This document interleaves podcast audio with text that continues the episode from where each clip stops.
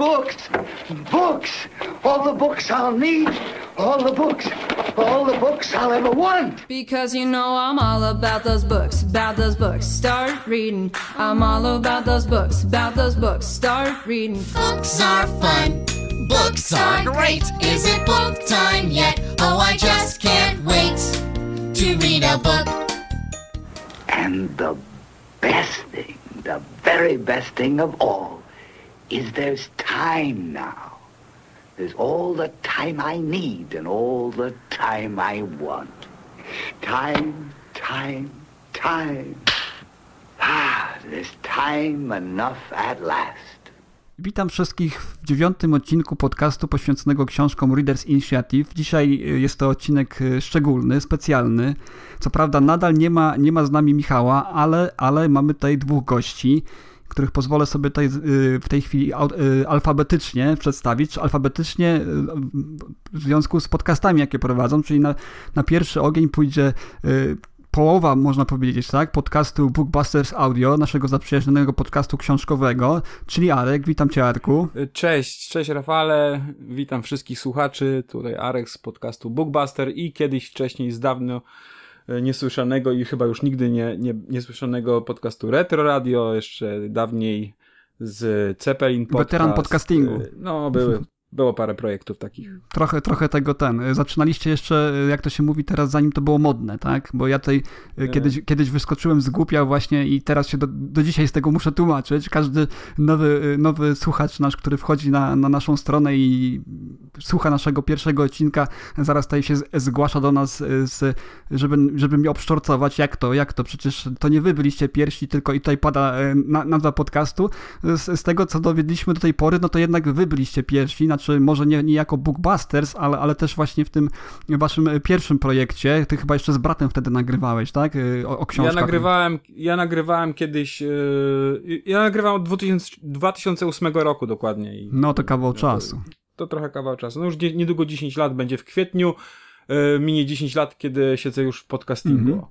No i z drugiej strony mikrofonu, po mojej lewej stronie, jest, jest, mój, jest mój dobry kolega. Dzisiaj, dzisiaj go poznacie po, po imieniu, e, znaczy z imienia Piotr, bo, bo występuje pod różnymi imionami. Ksywami ci, którzy mnie znają troszeczkę ksywami, tak, którzy mnie znają troszeczkę z innych podcastów, a głównie z, z, naszego wspólnego projektu, który najpierw też się urodził jako projekt książkowy, później się jakoś tak, y, nie wiem, y, przekształcił sam z siebie troszeczkę w, pro, w produkt taki popkulturalny, żeby w końcu tak y, skupić się bardziej na grach, tak, czyli, czyli na graniu, na grach komputerowych, na grach konsolowych mm, i o tym, o tym głównie rozmawiamy. Później też wypuścił takie wypust, wypustki dodatkowe dodatkowe, czyli, czyli y, tomograf y, zakurzonej szpitalnej biblioteki, gdzie właśnie wraz z Piotrem omawiamy takie rzeczy, które nas e, no powiedzmy, fascynowały w młodości, jeżeli chodzi o nasze czytelnicze fascynacje, pa, pasje, tak? tak? Tylko książkowy, tak. Tylko książkowy i dużo jest też właśnie tam o literaturze młodzieżowej, dziecięcej z, z, z okresu naszej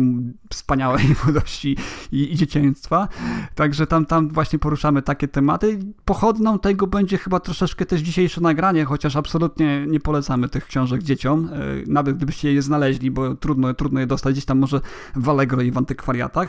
No i Piotr też nagrywa z, z, z, nami czasami różnego rodzaju filmy wideo na potrzeby YouTube, gdzie też e, rozmawiamy o grach właśnie z, z gameplayem, jest ilustracja filmowa, prawda, do tego i omawiamy, co nas w tych grach e, boli, drażni, przeważnie psioczymy, jesteśmy tak. dość, dość szeroko znani z tego, że, że krytykujemy, tacy zgryźliwi tetrycy, zawsze się e, czegoś gotowi przyczepić. Tak, tak? o grach klasycznych też retro, ale tam już nie psioczymy, bo my kochamy te starocie. Tak, starocie kochamy i dzisiaj, dzisiaj to też będzie prawdopodobnie się uwidoczni w naszym dzisiejszym nagraniu, więc, więc trochę, trochę też o, ty, o tym będzie.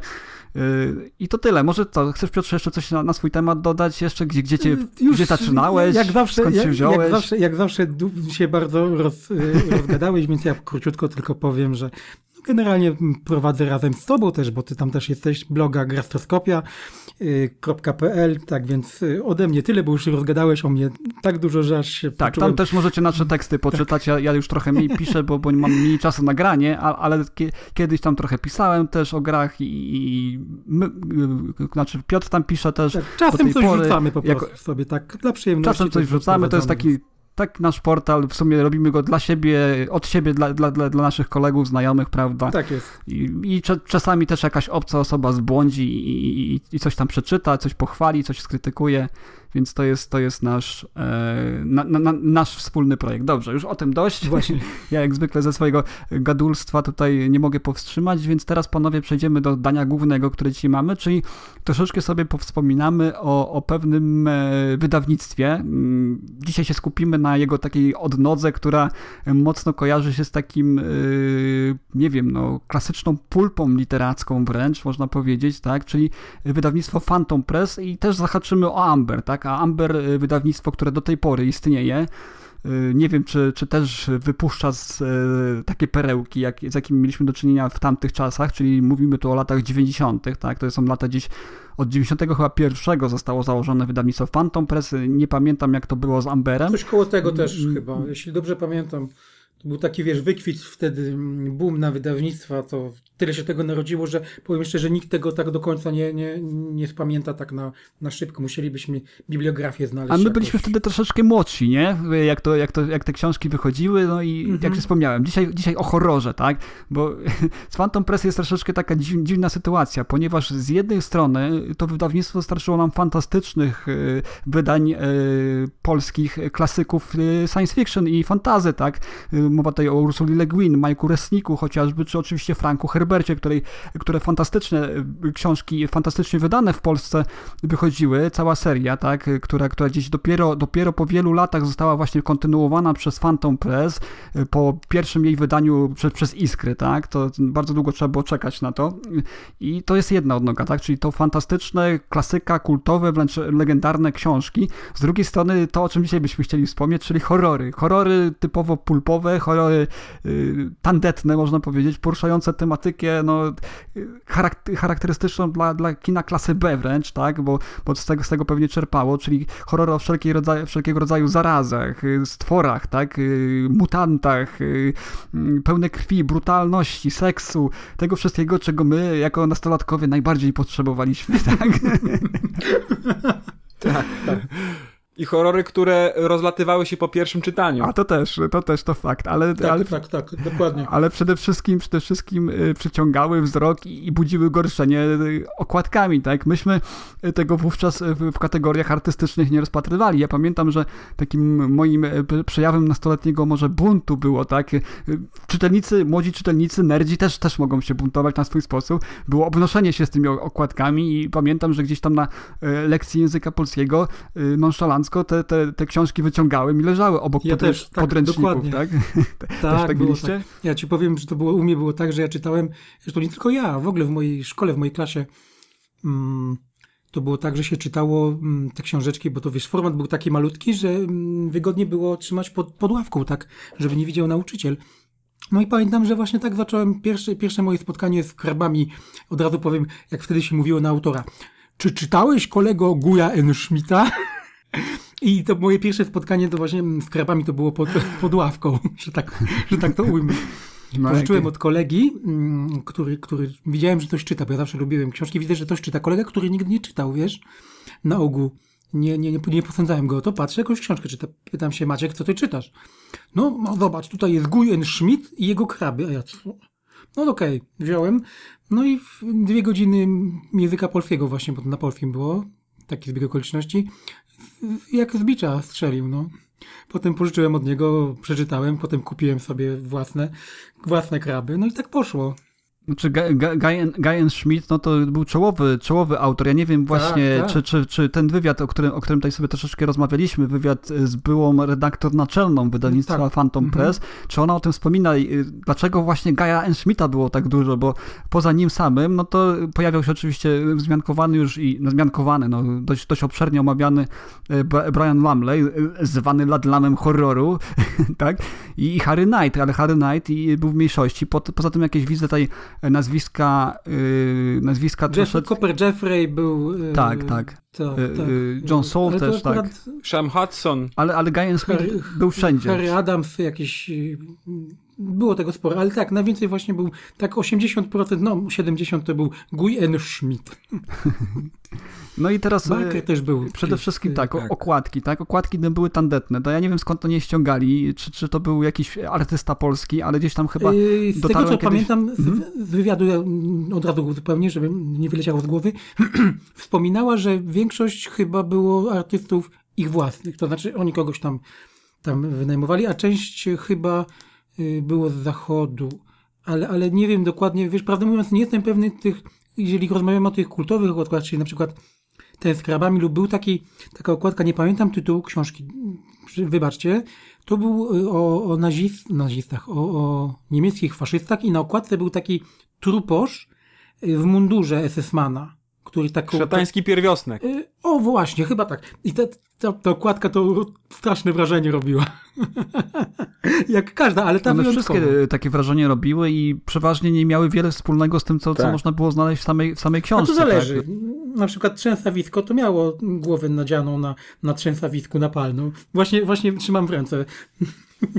No bo wy, ma, wy, macie papierowe, tak? Wiem, wiem że ty tak, Arku, masz w domu cała, całą półkę. Już ja mam w domu, ale mam dom daleko, także nie mogę w tej chwili do tego sięgnąć i tak jak mówiłem, y, raczej już y, z półki je zrzuciłem, bo potrzebowałem miejsca na tej półce. Mam jedną szafę tylko w domu na, na książki niestety już nie mieściła książek tego y, kategorii C, nie? To po prostu poszły gdzieś do kartonu i, i na stych. Teraz Teraz chętnie bym szczerze mówiąc do nich wrócił. Ja nawet jak byłem w, w czasie wakacji w Polsce, zacząłem szukać tego. Znalazłem tylko kilka tytułów e, i odechciało mi się szukać, bo naprawdę miałem za dużo tego kopania, a za mało czasu na, na, na to i i znalazłem kilka y, książek serii, też właśnie z Phantom Pressu z serii Cruciata, nie wiem czy, czy kojarzycie. Była, tak, była taka mhm. seria. Sensacyjna e, seria była, tak. Tak, tak, tak. tak Dzisiaj tak, to tak. byśmy po powiedzieli, że to postapokalipsa była. Wtedy to się raczej używało terminu e, e, fantastyka krótkiego zasięgu. Jerry Achen był autorem tego. Coś tak. takiego i to właśnie akcja, to była seria, seria dwudziestu kilku książek była. To naprawdę jeden tom to się czytało w czasie jednej podróży pociągiem półtorej, dwie godziny to maksymalnie, nie? Coś z tego co pamiętam. To, to To było coś mhm, takiego. Dokładnie, I... dokładnie. ja wam przeczytam, ja wam przeczytam tag, tagline z Krucjaty, to jest, to jest napisane na okładce walka wywiadów, rządza władzy, wola przetrwania, no czego mm. chcieć więcej, nie? Od literatury takiej. No, dokładnie, dokładnie. A ja przy okazji właśnie, bo wspomniałeś, że wydania my mamy papierowe, właśnie mm, powiem tak, jakieś 60% y, fanu i radości z tych książek, to właśnie polega na tym, że one są tak siermiężnie wydane, że to jest takie Widać, że to jest y, no. kup, przeczytaj, wyrzuć do śmietnika, prawda?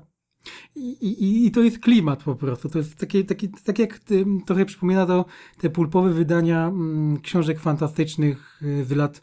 Tak, y, z lat 60., z, z lat Stanów Zjednoczonych z mhm. ubiegłego, ubiegłego wieku, tak, lata 50., 60., tak, tak, tak. I właśnie, właśnie to, to mnie w tym tak fascynuje trochę, że ja wiem, że są ludzie, którzy zbierają te książki dla samego ich posiadania, nad nie czytania, wiesz. Mój znajomy na przykład mm, bardzo szuka, ma już chyba wszystkie wydania Phantom Pressu, oprócz dwóch książek chyba Plagi nie ma i właśnie y, Szatańskiego Pierwiostka nie ma. A tak to ma wszystko i to wiesz, pięknie wydane i, y, i niezniszczone, co jest ewenementem już w ogóle. Bo to się niszczy, mm. tak jak wspomniał kolega przed chwilą, na potęgę. Dwa czytania, jeden raz przeczytasz, drugi i Tym bardziej się e, niszczy, jeśli, e, jeśli ma się e, podejście do, do książki użytkowej. Ja, tak jak ja mam. Ja mam podejście do książki bardziej użytkowe. Tak, to się czyta w pociągu gdzieś. No właśnie, ja, za, ja zaginam rogi, ja tak, po prostu do ja przełamuję książkę. Ja po prostu, ja chcę wyczytać treść i, i, nie podchodzę z pietyzmem do książek, jak niektórzy, że na, y, zanim wezmą książkę, to obłożą w jakiś papier gazetowy albo coś i, i umyją ręce. Miałem takiego kolegę, pożyczyłem od niego książkę i pomidor mi spadł na, na okładkę. No. Znaczy, nie, nie, nie na okładkę, w środku, w środku książki, wiesz. I na szczęście o, zamknąłem tą książkę i oddałem mu, on nie sprawdził, bo to było na jakiejś sto którejś stronie. Upiekło mi się do tej pory. Przepraszam cię, Macieju. Ale to, był, to było z Phantom Pressa nie, coś, tak? to była książka fantazy jakaś. Po przeciwnej stronie barykady ja miałem takiego kolegę, który zakładał książkę truskawką i e, e, za pierwszym razem ona zostawiła taki duży krwawy ślad, a potem już było, był, było już coraz lepiej. bo ona się już wysuszała i... Ale to do Phantom Press pasuje, wiesz, dodatkowy efekt taki, nie? Pasuje, tak, czy, tak, tak. tak. Nie, ale generalnie mm, jeszcze mam takie pytanie odnośnie właśnie tego wydawnictwa, bo tak mi chodzi cały czas po głowie, bo y, to były czasy, może troszkę naświetlmy ten okres, który był, to był burzliwy okres tuż, tuż, tuż po upadku komuny, prawda, kiedy, kiedy te wydawnictwa y, bardzo się, pojawiło się ich mnóstwo, to, to, to pierwsza rzecz. I był straszny głód na takie powieści właśnie y, drugiego, trzeciego sortu autorów, którzy wcześniej mm, byli przez wydawnictwa, przez oficyny wydawnicze, te oficjalne, państwowe, ignorowani, ponieważ, y, jak to się mówi, nie, nie byli po linii, prawda? I, i, I chodzi o to, że sukces tych, tych nowych wydawnictw polegał na tym, że ludzie mieli głód tych książek, którym, i, których im odmawiano w, w poprzednich dekadach. I to, to, to jest dla mnie takie pierwsze, to jest pierwszy taki Mm, pierwszy taki motyw, dlaczego, dlaczego te książki i to wydawnictwo odniosły taki wielki sukces, bo to nie tylko Phantom Press, to także Amber, prawda, który też wydawał podobne, podobne książeczki. Ale też, jakbym chciał do tego dodać, głód był także y, nie tylko do tych kolorowych okładek i do tego, co, y, i do tych autorów, i do tego, co wychodziło, ale też do, do samego gatunku horroru, bo tak, tak, tak, tak naprawdę y, co, co było wydawane z horroru przed rokiem 90, to może jakiś tam stary Grabiński gdzieś tam, ktoś gdzieś tam z biblioteki wypożyczył, był Opowiadania i tyle. Były opowiadania, w... były, ja tak. pamiętam, miałem w domu jeszcze rodzice gdzieś kiedyś kupili y, taką książeczkę z serii, y, to była bodajże Szczęśliwa Siódemka mhm. i, i, to było siedem opowiadań, Duchy, Zjawy i Upiory był tytuł i pamiętam, duże wrażenie na mnie zrobiło, ale to było wszystko, to y, nie można było praktycznie kupić ani Drakuli, No ani... właśnie, no właśnie chciałem powiedzieć, że Drakuli na przykład mój rodziciel szukał bardzo długo w latach 80. nie mógł znaleźć. No. Takich klasycznych właśnie horrorów. Dracula chyba również Amber wydawał. Ja nie chcę tutaj te, teraz, teraz, teraz yy, yy, jakich, jakichś, jakichś błędów tutaj popełnić, ale wydaje mi się, że to też od Amberu widziałem właśnie wydanie Drakuli, pierwsze, które ja czytałem, ale, ale nie musiałbym to zweryfikować. Ale na pewno to któreś z tych nowych właśnie wydawało. Żadna, żadne iskry, żadne, mhm. żadne te... Nie, nie, ja nie przypominam sobie. Ja miałem zawsze problem właśnie z tym gatunkiem, bo, bo go nie było przed 90 rokiem. Mhm, dokładnie tak. I jak sprawdzałem sobie, bo jeszcze wam tu nakreślę, ja jestem takim trochę pierdołą w całym swoim życiu i y, ja praktycznie od y, 90 roku zacząłem sobie na, w zeszycie zapisywać, jakie książki przeczytałem i je tam jako, jak w jakiś sposób gwiazdkowałem zanim jeszcze y, komukolwiek przyszło to do głowy w, w internecie, zanim przyszło do głowy... Mie- 7, 7 na 10, tak? Zanim pojawił się internet nawet w Polsce, Aha. i na świecie taki szeroko dostępny, to ja miałem taki swój własny Ranking. kajecik i, i tam sobie wpisywałem. Od 90 roku yy, co roku kupowałem sobie yy, taki kalendarz Tepol albo Tevo. To był taki terminarz wojskowy albo terminarz polowy i on miał yy, właśnie dużo stron, y, dużo wolnego miejsca na każdy dzień i można było sobie tam różne rzeczy zapisywać i ja właśnie zapisywałem sobie i filmy, i książki, no i gdzieś to jest, a książki yy, kiedyś sobie wszystkie spisałem do zeszytu, no i mogłem sobie to spokojnie jakoś w jakiś sposób przelać na, teraz na, na Lubimy Czytać i, i mam od 90 roku mniej więcej wszystkie książki, które przeczytałem na Lubimy Czytać sobie u mnie leżą. No to Almanach. Super, a no, ma, masz też tam e, książki z Phantom Pressu, żeby takie, nie wiem, top ten e, może tak w skrócie nam przybliżyć, jakie, jakie były najlepsze, najlepsze... Kraby, kraby 10 na 10. E, na pierwszym e, miejscu, jakie były? Sprawdziłem gwiazdki, bo, e, bo tutaj z tymi ocenami to trzeba po prostu też e, wziąć pod uwagę, że ja oceniałem to wtedy, mając 20 parę lat i by, to zależy też od wyrobienia czytelnika, od jego preferencji, tego jak, ile książek przeczytał wiadomo, co mu się podoba w danym momencie. Była, była gra gradacja była później, I, tak? I musiałem potem przełożyć to jakby te gwiazdkowanie jeden na jeden. Nie oceniałem, no lubimy czytać jeszcze raz, bo najzwyczajniej w świecie ja zapomniałem treści tych książek w większości, nie? E to od, od, odważnie tak w świat puścić. no i z tego, co, co widzę, to, to twierdza y, u mnie stała najwy- dosyć wysoko. E, z, mhm. Dobra książka w miarę. Yy, tak, ale, to, ale to, był Amber chyba, tak? Czy, czy Phantom I właśnie Press? nie wiem, czy to był Amber, czy Phantom Press, bo ja tutaj sobie tak zbiorczo napisałem mhm. bez... Zaraz to sprawdzimy. W notatkach mhm. bez rozdzielania na wydawnictwa, ale wydaje mi się, że to był, że to był Amber. Tak zamknę oczy i okładkę sobie przypomnę, to jednak widzę ten znaczek Amberu na dole. Chyba tak. Tak, i, i twierdza była bardzo wysoko i wysoko oczywiście był Manitu yy, O, Mastertona. Boże, tak- A to, Manitou a to też super. dlatego był wysoko, bo to była pierwsza książka moja w, z gatunków horroru z tego właśnie okresu. To wydawnictwo Amber, tu już przeskakuje na, na Amber w tym momencie. I pamiętam dokładnie moment, kiedy y, się na podwórkach rozmawiało o, o książce. No coś, coś niesamowitego, bo y, era wideo, wiadomo, każdy oglądał jakieś y, Ninja, pirackie, filmy pirackie ninjami, tak. dziwne filmy, horrory typu fantazm, horrory typu plazma, jakieś tam y, tego typu, Srebrna kula, blok. tak, tego typu, tego typu rzeczy. A to się wpisywało idealnie te książki. I, i, i, i dokładnie, i nagle pojawiła się ksio- i nagle pojawiło się wydawnictwo, które daje nam to samo tylko do czytania i, i nagle dostajemy Manitu. E, to był pierwszy mój horror przy- y, Mastertona, który przeczytałem. Sprawdziłem to w, w moim kajeciku. I naprawdę zrobi duże zrażenie, wrażenie, bo straszył. E, ten Tak, e, duch tego szamana, który tam on chyba tam wszedł w jakąś e, kobietę i i treści oczywiście nie pamiętam dokładnie, ale pamiętam odczucia, że y, książka przechodziła z rąk do rąk.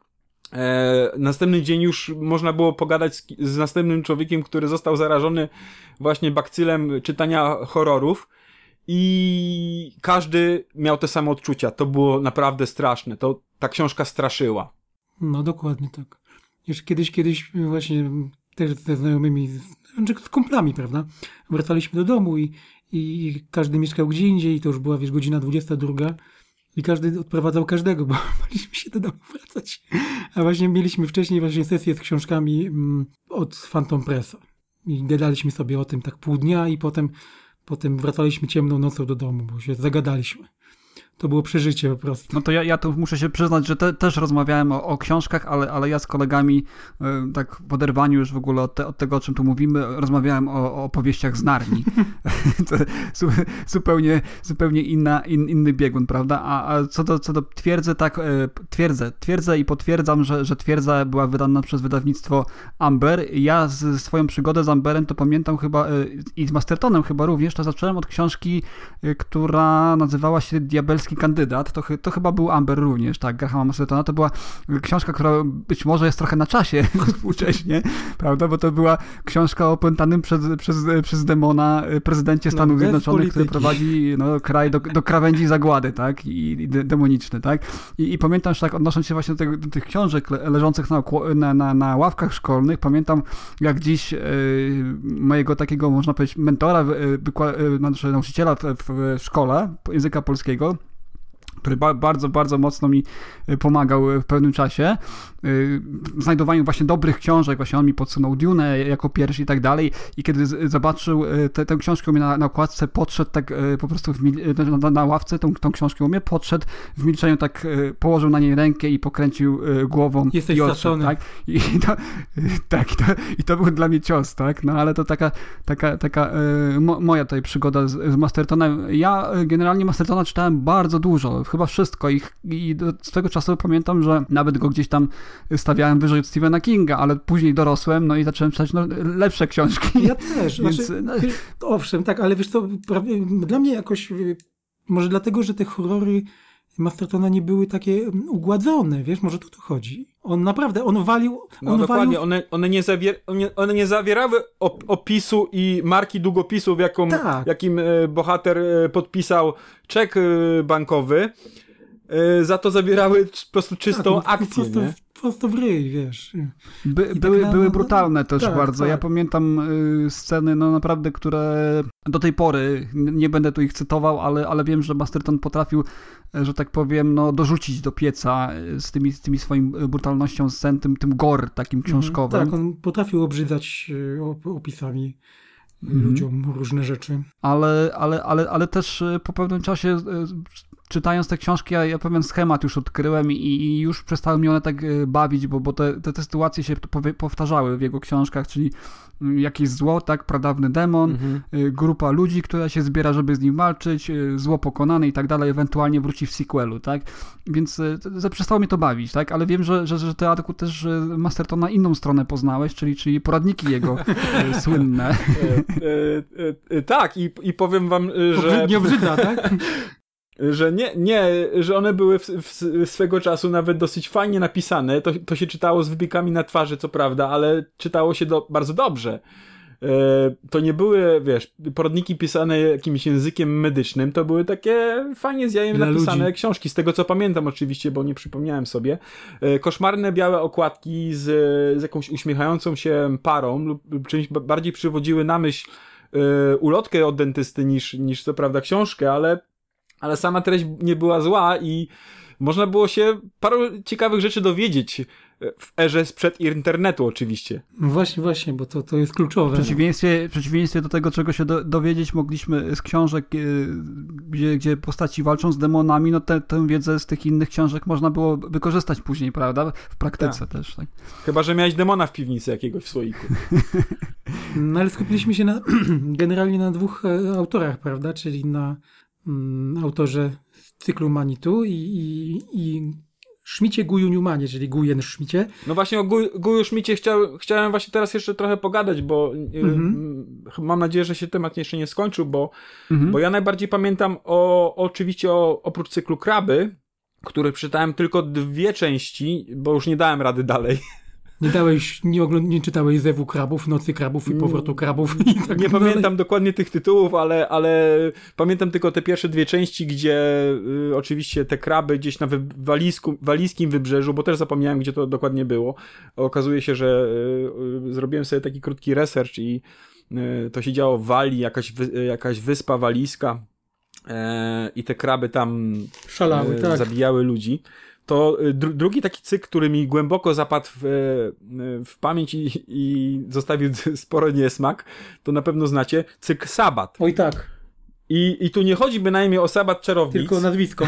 tylko o, o perwersyjnie wyglądającego z okładki faceta z wąsem, y, byłego księdza, byłego egzorcystę, lub na, nie, egzorcystę, komandosa, podglądywacza i onanisty, no.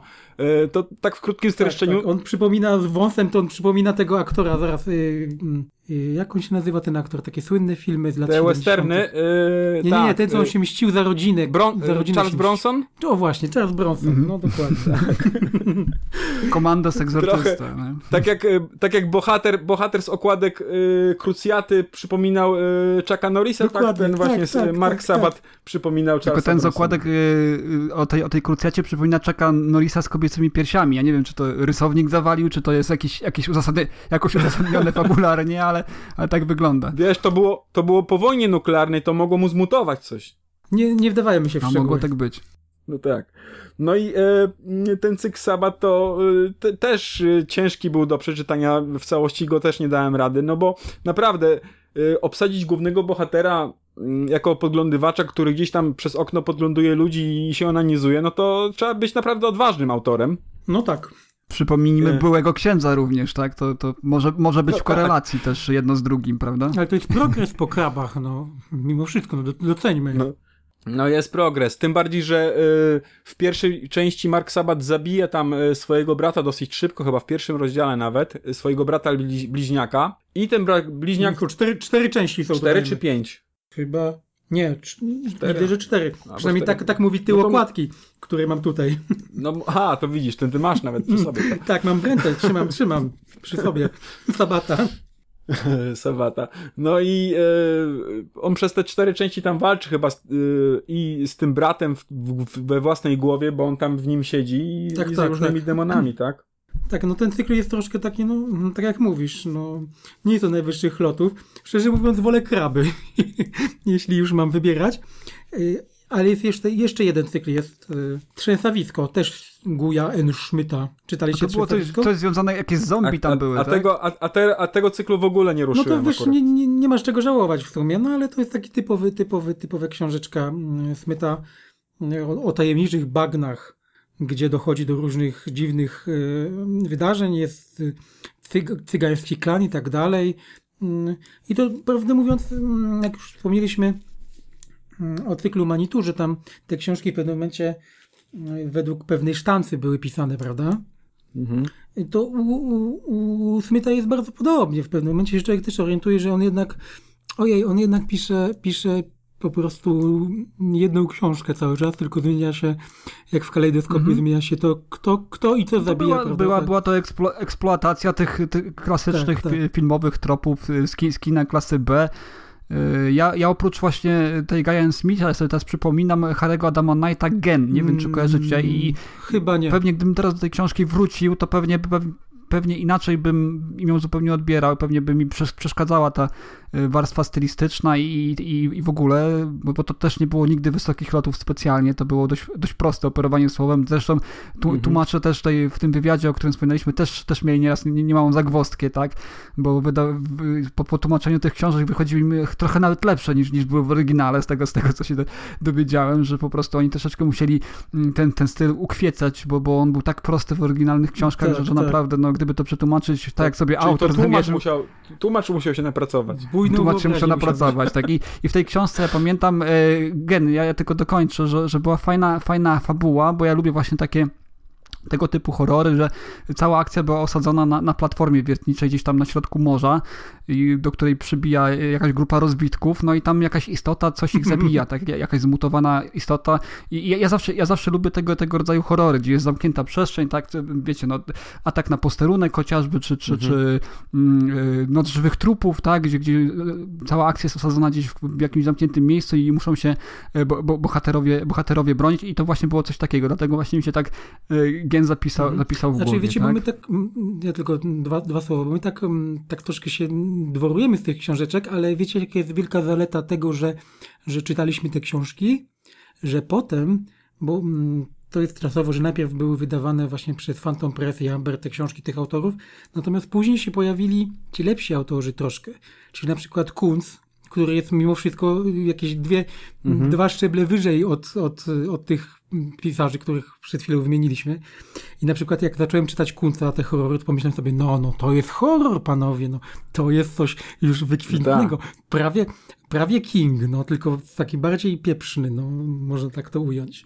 Tak więc y, jednak te książki z krabami, co się czytało i Sabata i tak dalej, to jednak coś dają człowiekowi, bo ma, ma, ma, pewną gradację tego, jaka książka jest do dupy, a co jest dalej lepszego. No. Ale mhm. jedna rzecz, te książki się czytało bardzo szybko Dokładnie. i dawały fan po prostu. No. Nie oczekiwał nie wiadomo czego. No. Mhm. Jak chciał się trochę pobać, takie, takie pierwotne instynkty sobie y, troszkę przypomnieć, jak to było, to siadasz z taką książką i przeczytałeś, odkładasz. Okay. Ja powiem wam szczerze, że ja bardzo dużo czytałem w podróży wtedy, bo y, ja mieszkałem na początku, tam 90-93, ja mieszkałem w Grudziądzu, a pracowałem mhm. w Świnoujściu. Więc y, jedyna y, taka do, dobre połączenie kolejowe między Grudziądzem, który jest w województwie kujawsko-pomorskim, jakby ktoś nie wiedział, a Świnoujściem, najlepsza droga była przez Poznań. E, tak, więc ja nie, śpię, ja nie śpię w podróży zazwyczaj. I miałem wtedy sporo czasu, żeby dużo czytać w tych podróżach między właśnie Grudziądzem a Świnoujściem. Yy, pamiętam te właśnie te całe noce przesiedziane. Jeśli działało światło, to, to dobrze, no, bo czasami nie działało w przedziale, więc i było trzeba na korytarz wyjść, żeby sobie poczytać. A to nadal tak jest. Nadal tak jest, no.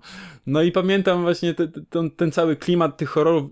Horrory tego właśnie wydawnictwa Phantom Press i Amberu kojarzą mi się głównie właśnie z pociągami, bo szkoda, że żadnego kolejowego horroru tam nie było, bo, o ile pamiętam, bo by mi się dobrze wpisało to, ale, ale tak, zamykam oczy i po prostu y, widzę okładkę i, i ten, i jestem w pociągu. Był, był tunel, taka, taka książka była, ale nie wiem, czy związana z koleją. A poza tym jeszcze wracając do y, Harego Adama Knighta, bo ty powiedziałeś o genie, mhm.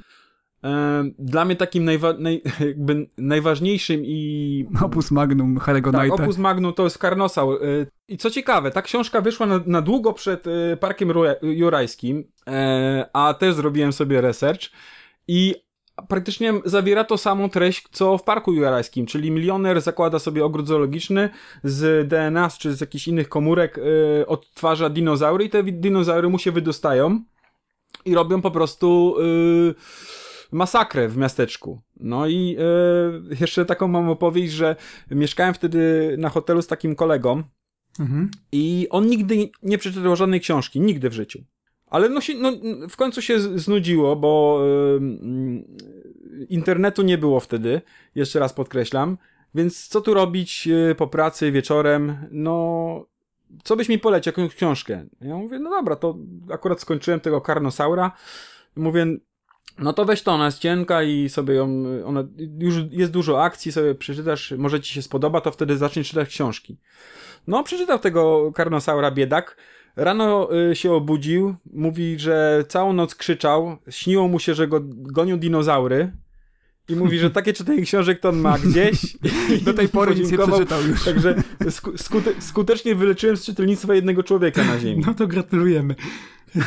mi się, ja mam to samo, tylko mi się śnią na ogół y, gry, które gram, a książki nie, chociaż czasem też. Ale tutaj tak. też jeszcze tam uzupełnię to, co powiedziałeś. Rzeczywiście, Karnozaur został wydany w 1984 roku a Park Jurajski Crichtona w 90. Więc gdyby y, to było lepiej napisane niż jest napisane, bo jest napisane słabo, to, to mogłoby tak. odnieść sukces, mo mogłoby z, zdetronizować y, Crichtona i, i, to może ha, y, Harry Knight byłby Bogaty. ojcem właśnie. I kraby może by ktoś wziął też. No tak. Kultowe filmy by były dzisiaj, tak.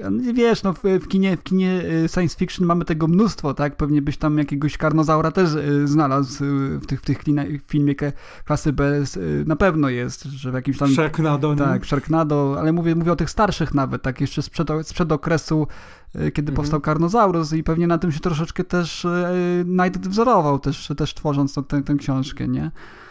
No by było tego mnóstwo, mnóstwo wspaniałych historii, mnóstwo wspaniałych wspomnień naszych.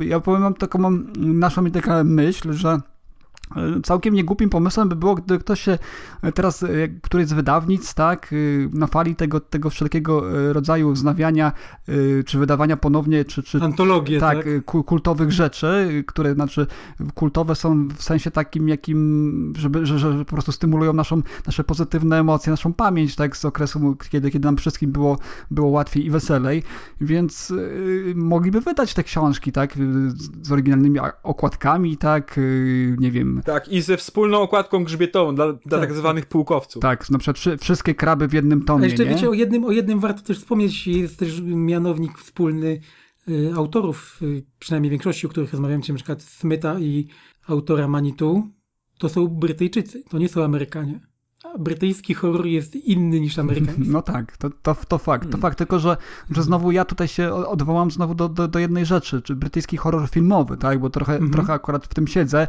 to jest lepszy dla mnie. To jest, ja, ja stawiam zawsze brytyjski horror nad, nad, nad to, co, co Ameryka dostarcza, bo, bo tam, jest, tam jest troszeczkę inne, inaczej są akcenty rozłożone. Natomiast widzę, że Brytyjczycy, pisarze, tak, o których tutaj mówimy, no to byli mocno zapatrzeni w kino amerykańskie jednak, mimo wszystko, mhm. tak, bo korzystali właśnie z, z, tych, z tych właśnie elementów, które, które były charakterystyczne dla tak, tego Tak, ale, ale wiesz co, ja oprócz Kinga to ja tak mało sobie cenię amerykańskich pisarzy y, horrorów, wiesz? Mm. No ale wiesz, ilu, ilu ich tak Może naprawdę oprócz, no, możesz no, wymienić? No, Kunca bardzo sobie cenię, no. Y, ludzie nie lubią Kunca, ale ja A lubię. Współcześnie no. jest, jest kilku współczesnych pisarzy, ale no, King y, i w zasadzie Masterton i Kunz, no, mówimy cały czas o tych latach 90., bo teraz pewnie się te, te, te rzeczy inaczej porozkładały, no to jednak zdominowali ten Przecież rynek. Ja od razu też zaznaczę, ja, ja nie lubię pisarzy y, horrorów tych późniejszych. To jest też ciekawa rzecz. Ja, ja bardziej lubię tych pisarzy, którzy mm, swoje dzieła stworzyli w latach 70., końcówce lat 70., 80., tak do, do lat 90. Potem jakoś nie wiem na czym to polega. Nie jestem w stanie tego, tego określić. Y, ta nowa fala autorów horrorów jakoś mi nie pasuje, wiesz? Nie wiem, na czym mhm. to polega. A macie, macie tak, y, że wy, y, chciałem właśnie się zapytać, czy wy czytacie książki gatunkowo jakiegoś falami, czy na przykład cały czas równo rozkładacie, czyli, bo u mnie to tak najczęściej było, teraz to już troszkę bardziej, troszkę lżej może, ale u mnie był ten przykład okres, że czytałem tylko horror, nie? I, i 90% książek to y, były horrory, szukałem horroru i mhm. co jakiś czas może tam sobie dorzucałem jakiegoś, jak, jakąś sensację mhm. albo coś, coś wpadło y, bardziej przypadko, mi lub bardziej przypadkowego, ale, ale nastawiałem się na horror. Potem się przerzuc, przerzucam na przykład na fantazy i, i, i jadę fantazy od pół roku na przykład. Mhm. Nie, no wiesz, raczej, raczej, raczej nie. Raczej ja zawsze tak... Yy mydło powidło. Ja bardzo szeroki wachlarz, wachlarz książek, ale też mam takie okresy, kiedy mam ochotę czytać książki jakiegoś gatunku, ale to bardziej przekłada się na to, że na przykład znajduję yy, albo ktoś mi poleci jakiś cykl książek i niemiłosiernie muszę, muszę tę książkę przeczytać, ten cykl na przykład iluś tam tomowy i dopóki, dopóki ja go całego nie przeczytam, to, to po prostu jestem chory, no. Tak więc to można też trochę podpiąć pod to, że też gatunkami tak jadę, prawda, też trochę. Mhm. Ja tak miałem z jeżeli chodzi o cykle, to ja, ja nie lubię tak czytać yy, po kolei, bo mi po prostu po pewnym czasie to mnie to nuży, ale z Wiedźminem tak miałem i później, yy, zresztą z całym Sapkowskim yy, z Narentrum tak samo, że yy, wychodziła pierwsza część, pierwszy tom, to czy, przeczytałem pierwszy, jak wyszedł drugi tom, to, to, czytałem pierwszy i drugi, jak wyszedł trzeci tom, to czytałem pierwszy, drugi i trzeci i tak dalej, i tak dalej, mm. że po prostu musiałem cały ciąg sobie ustawić od nowa, nie? Mhm. Mhm. No ja, ja, miałem tak kiedyś. Ja kiedyś miałem tak, że gatunkowo właśnie leciałem, tak jak ty mówisz, znów, znów wracam do lat 90., powiedzmy, y, czy, czy nawet y, wczesnych 2000 y, i, i tak miałem właśnie, że albo leciałem horrorem cały czas, tak? Czyli musiałem przeczytać wszystko. Od tych, tak, zaczynałem właśnie też od tych naj, naj, najmniej chwalebnych tytułów. Później oczywiście King, Masterton King, trochę Kunca, którego ja nigdy do końca nie, nie, nie, nie nauczyłem się cenić. Doceń, doceń opisy. Nie wiem Kunca dlaczego. bardzo dobry jest w tym, co robi. tak, tak. Ja ostatnio słuchałem podcastu Bookbusters o, o książce Zaginiona i kompletnie już mnie zniechęcił. Poszukiwana. Ale dlaczego? poszukiwana, Zasadni. No bo no to, ach, to posłuchaj, posłuchaj Bookbusters, to się dowiesz, tak? Tutaj taka, taką zrobimy reklamę, że, że, że, że będziecie mieli jednego więcej słuchacza, żeby się mógł dowiedzieć, dlaczego ja przestałem, słucha, przestałem czytać Kunca, tak? w, ka w, każdym razie tak no miałem. Możemy wrócić do naszego głównego tematu, e, horrory i, i, i właśnie Dean Kuntz, następny taki właśnie autor Mm. Jak już nam się tu sam narzuca i trochę inna jakość okładkowa, prawda? Wydawnictwo Amber. I większy, fo większy format na ogół. Większy, większy format na ogół też. Większy format. Twarda okładka. E, tak. Twarda mhm. okładka, obwoluta. No to już była naprawdę klasa. Nie wiadomo, czym sobie zasłużył, nie? Że, że tak go e, wyjątkowo traktowali, bo ja pamiętam, że oni nawet Kinga wydawali w miękkich okładkach, a Kunca w twardych. Tak. Ja ci powiem, ja ci powiem, czym zasłużył. To nazwisko, jak się pisało dużymi literami Kunc, to robiło wrażenie na półce księgarskiej. No bo e, i, i Phantom Press miało taką swoją e, e elitarną odnogę okładkową, mhm. ta okładka, która była dzielona najpierw na pół i później dopiero okładka.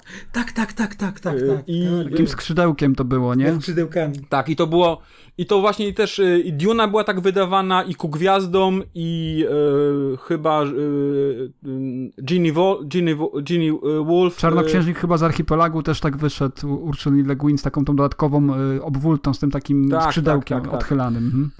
Ale też okładki tam były lepsze, bo ja wiem, że oni nawet tam chyba siódmaka okładki dawali przez pewien czas, czy teraz, teraz dają, a wtedy to mhm. nie wiem, ale też, ale też okładki były innego kalibru, jednak te, tak, te, te lekko, okładki, które... lekko wytłoczone mm, były. Tak, tak, tak. Mm, tak, tak.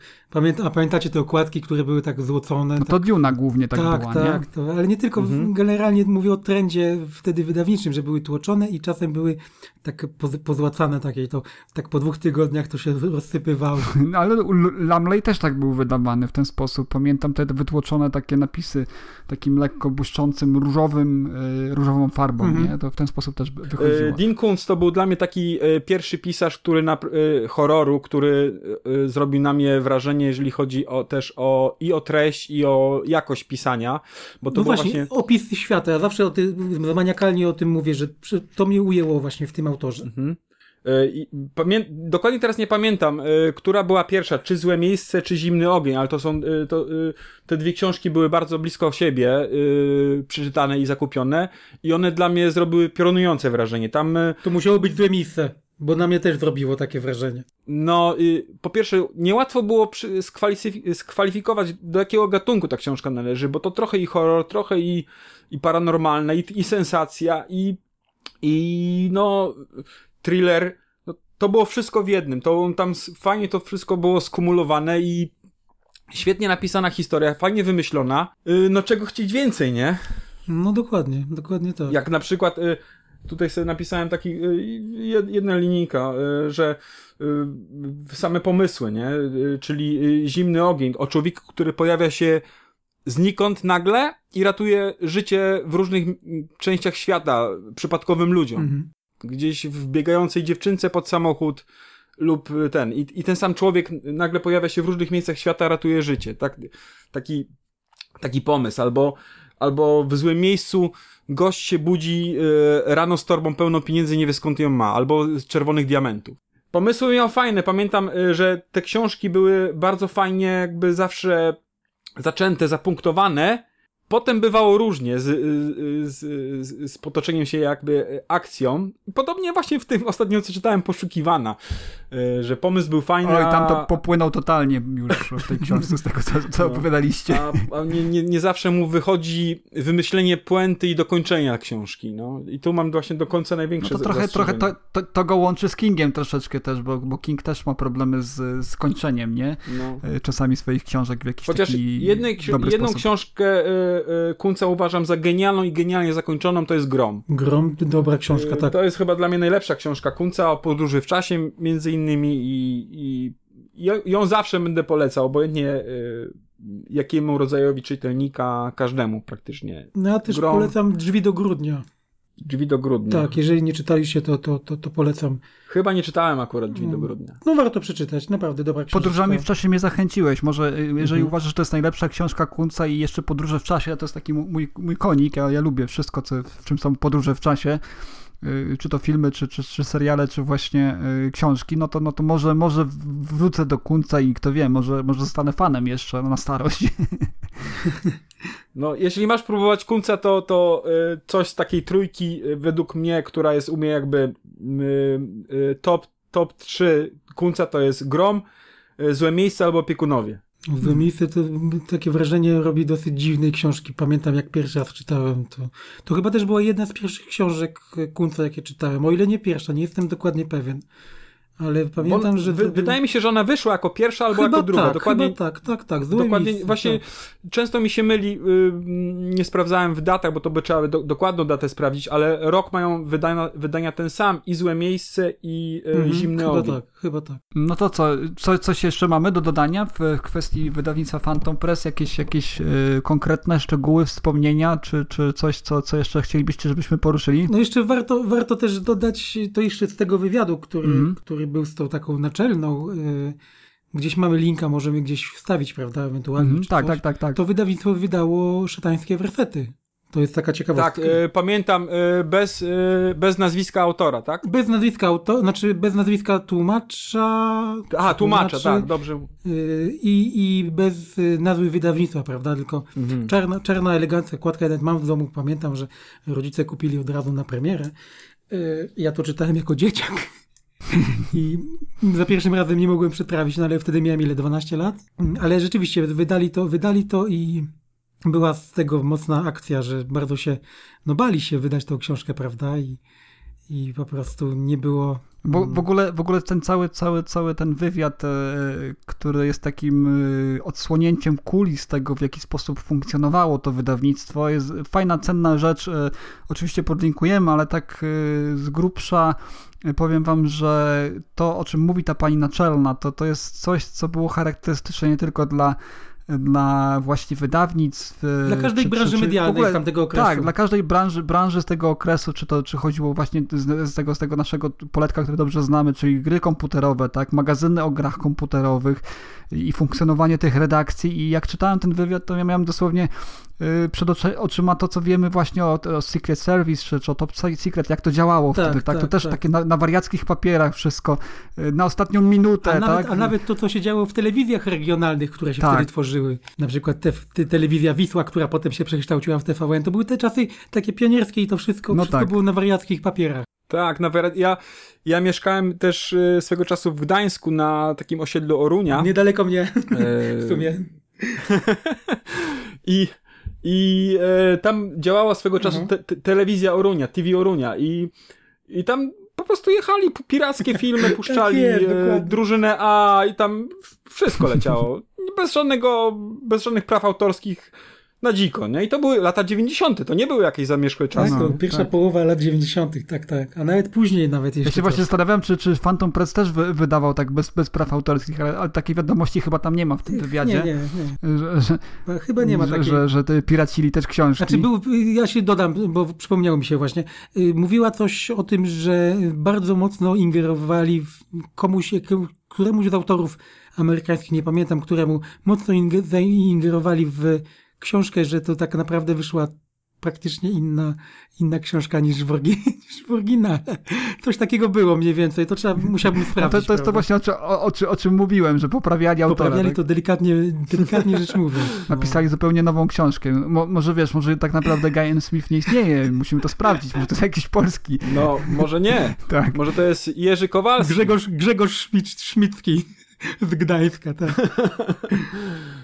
No, ale słuchaj, jak w sklepach y, muzycznych y, były wszystkie kasety no dokładnie, y, tak. wszystkich wykonawców y, na świecie, mogłeś sobie kupić bez żadnych praw autorskich, to podejrzewam, że nie jedno wydawnictwo y, zbrało pierwszego y, z brzegu tłumacza i książkę gdzieś, którą ktoś gdzieś kupił za granicą i mówi, przetłumacz mi to, zaraz ją no właśnie, cześć. Poruszyłeś też kwestię, którą, też, o której warto wspomnieć. Tłumaczenia i tłumacze tamtego okresu w takich wydawnictwach jak Phantom Press i Amber, prawda? Że na ogół mhm. to byli ludzie, nawet, to, nawet, to wszyscy wiedzieliśmy, ale to z tego wywiadu też ta naczelna tego nie ukrywała.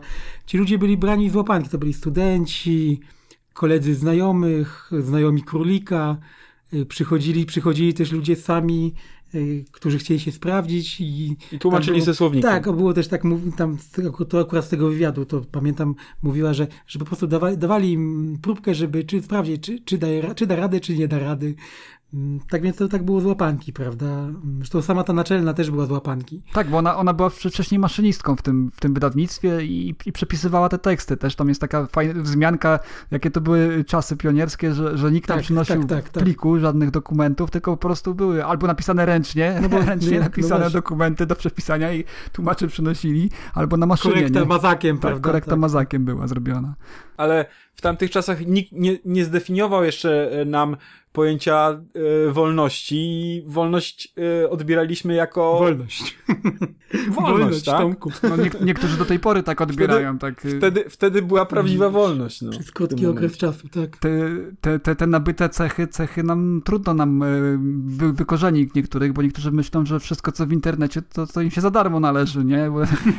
I, i to jakoś tam jeszcze ciągle pokutuje właśnie, to jest pokłosie tego, tego, mhm. tego okresu, tak, tych, tych lat 90., gdzie, gdzie no, w zasadzie wszystko można było robić. Tak mówisz o, o kasetach wideo, tak, y, wypożyczalnie funkcjonowały. Jeszcze y, tutaj już schodzimy z tematu mhm. totalnie, ale pamię pamiętacie również też byli y, dystrybutorzy filmowi, którzy nielegalnie tłumaczyli, wydawali na kasetach wideo i, i, te, i, te, i te, one szły oficjalnie do, do wypożyczalni te filmy z jakimiś tak, tam lektorami, tak, tak, tak tak. z podwórka znaczy, mówię, że to, że to tak? odbiegamy od tematu, ale te, te wydawnictwa właśnie, szczególnie ten Phantom No to się trochę wiąże, to, tak. Dokładnie, bardzo się wiąże z klimatem tamtego czasu, tamtego okresu.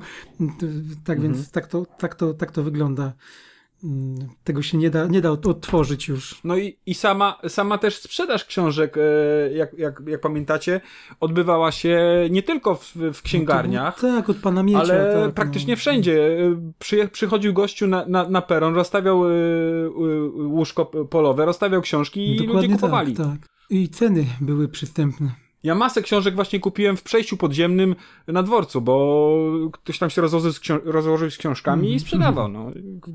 Te wszystkie kunce w twardych okładkach to ja pamiętam głównie kupowałem y, gdzieś tam no właśnie, właśnie pod kwestia kolejna odnośnie właśnie kupowania książek. Ceny były bardzo dostępne i to nie mówię tylko o tych, o, tak. nie, nie, mówię tylko o tych książkach mm, wydawnictwa Phantom Press czy Ambera, tych, bo to wiadomo, że one były tańsze niż tańsze niż, niż ceny tych książek bardziej ekskluzywnie wydanych, ale generalnie ceny książek były bardziej dostępne i to wcale nie jest mój wymysł, albo że źle pamiętam, bo zawsze się to, co było kiedyś, się stawia na stale, że kiedyś było lepiej, prawda? Ale odnośnie cen książek, kiedyś naprawdę uwierzcie, słuchacze nasi, że było lepiej, znacznie lepiej niż teraz. Zdecydowanie. Y, czy masz może w ręku tego y, Sabata i jaka ona ma cenę okładkową? Dokładnie. Cena, cena Sabata, mm, momencik, niech ja spojrzę. Przeklejona, bo to była promocyjna, wiesz, muszę, mhm. muszę A to jeszcze było przed denominacją. Bo to jeszcze w, w starym nominale będzie. Tak, tak, w starym nominale. O Boże, znalazłem w Trzęsawicku, wiecie co znalazłem? Mhm. Matkę Boską. Czy się... No to Naprawdę. Ciekawe. Może jakiś, e, może twój tata egzorcyzm próbował przeprowadzić jakąś książkę. Nie, nie, nie. Albo ksiądz z kolendą przyszedł i zostawił jej książkę i, i, i obrazek. Zdzieram to. Jak słyszycie, zdzieram i chcę zniszczyć. To i tak to nie ma znaczenia. 22, 29 tysięcy złotych. 29 tysięcy złotych. 29 tysięcy. 2 zł 90, biorąc pod mhm. uwagę nawet, yy, że to tamte, tamten okres, prawda? Mhm. To i tak jest tanie. No, no to wszystko, wszystko wiemy. Nawet y, gdyby, y, gdyby potroić tą cenę dzisiaj, to i tak by było poniżej 10 zł, prawda? Poza tym, mocna rzecz, te książki szybko taniały bardzo. Znaczy, można było w drugim obiegu, bardzo w drugim obiegu szybko no tak. Y, je wszystkie znaleźć. Co ciekawe, pojawiały się również w bibliotekach, tak? One zawsze leżały gdzieś na tych stołach w bibliotekach, tych najczęściej wypożyczanych no właśnie, książek. W bibliotekach właśnie było ich też mnóstwo, tak więc to też drugi, drugi klimat lat 90., że niektóre te tytuły się brały od biblioteki. Ale jest jeszcze jedna kwestia związana właśnie z tymi wydawnictwami, o której mm, waham się wspomnieć, ale skoro już zacząłem, to powiedziałem A, to powiem mi B. Y, w tamtym okresie oprócz horrorów, prawda, i tego boomu na horrory, to jeszcze jedno się pojawiło. Kieszonkowe wydania książek pornosów. O tak, y, szczególnie właśnie Phantom Press. To były erotyki, można, y, y, no nie mówmy porno, to były wtedy nazywane erotykami. Tak, ale to raczej były pornochy i to takie dosyć mocne. A dlaczego mi się to przypomniało? Ponieważ pamiętam, że mój kolega właśnie też kupował, kupił hurtowo bodajże sześć książek y, od Phantom Pressa w tym niestety cztery, cztery to były pornochy, bo nie, nie wiedział, że to pornochy. Wrócił do domu, chciał... I to, i to takie, że, że, że autorka 50 twarzy Greya by się zalała rumieńcem, gdyby przeczytała, nie? Człowieku, to nie ma porównania w ogóle. No i mówi, potem mówi do mnie, przychodzi do mnie do domu i taki wkurzony mówi, gówno książki mi poleciłeś. Mówię, co? Kraby, jakie kraby? Bo ja mu kraby poleciłem przede wszystkim. Kraby, jakie kraby, jakieś pornosy mi tutaj. Co? O czym ty mówisz? Nie, bo ja nie wiedziałem, nie wiedziałem, że to wydawane jest. takie rzeczy też wydają, nie? No myślę, pokaż te książki, nie wyciąga z plecaka. Patrzę, mówię, dobra, to się zamieni. Wziąłem te książki dla siebie. No tak. Ale, jak, ale do dziś nie zapomnę jego świętego Ale to, e, to też był właśnie ewenement, że ludzie, ludzie kupowali coś takiego i był, był na to, był na to też, tak. Po, też popyt. Te książki były jeszcze cieńsze niż te horrory. One były, one dosłownie miały sto parę tak, stron. To było takie, to było takie grafomaństwo. Nie, nie bez znaczenia tak. było to, że, że to był okres przed, przed tak. internetem. Tak, tak. A to było takie, wiesz, jeżeli mówimy, że, że te książki mm, Szmyta i tak dalej, to było grachmaństwo, to te książki to, to, to nawet nie zasługują na miano książek. Nie, nie zasługują nawet. I, I, zakładam też, ale to już będzie bardzo brzydki żarcik, że się jeszcze bardziej i szybciej rozpadały niż książki horrory. Tak więc, tak więc zakończmy ten temat. Tym optymistycznym akcentem. W każdym razie wydawali, wydawali takie rzeczy. Na pewno, na pewno dużo no tak, na tym zarobili. Tak. Tego jestem pewien. No ale niestety tak, upadło więc... wydawnictwo. Amber przetrwało, do tej pory wydaje, chociaż już pewnie, już takich pewnie rzeczy dużo, nie wydaje. Dużo lepsze książki. Tak. Nie, no już teraz oczywiście. Chociaż powiem wam, że, że nie jest tak, że takie książki nie wychodzą w Polsce i tutaj właśnie wchodzimy właśnie w strefę y, self-publishingu i e-booków, tak? Jest masa tandetnej literatury, y, domorosłych pisarzy i naprawdę to jest grafomaństwo, y, przy którym zestawisz trzy książki właśnie wydawane przez Phantom Press. Każdy, blog, każdy bloger, youtuber mm. musi mieć No to już, to już zupełnie inna kwestia, ale też piszą fantazy, fantastykie, horrory też powstają i to są naprawdę horrory, które, przy których naprawdę w książkach Prawdziwe horrory. to są, to są arcy, arcydzieła, tak. I, i to, to wciąż funkcjonuje, tak, można to nabyć, ale jednak mimo wszystko no, tej całej otoczki właśnie, o której my tu mówiliśmy, czyli charakterystyczne okładki, czy, czyli czyli też e, ten taki element sięgania w pewnego rodzaju pozakazany owoc, tego, tego się nie da wrócić. Tak, tego, do tego się już nie da wrócić i tego już, tego już niestety żadną miarą się nawet nie da, nie da e, ponownie przeżyć, tak, więc, więc tutaj to jest taki, taki element naszej epoki, w jaki sposób e, gdzieś tam się dołożył do tego naszego jest rozwoju. Jest jedna nie? różnica, jedna różnica.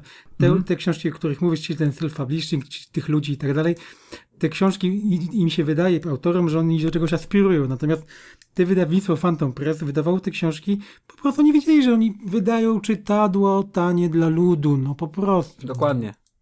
I tak powinno być. Żadnego zadęcia, żadnego, wiesz, żadne fon, fon, fon, fanfaramfa żadnego. Tak więc to no było, ja, to było jak fajne. widzę y, no, y, Nowa Re gdzieś na, na dole książki, to ja po prostu od razu odskakuję Tak, z, znam. Dokładnie tak, dokładnie tak. Znamy to.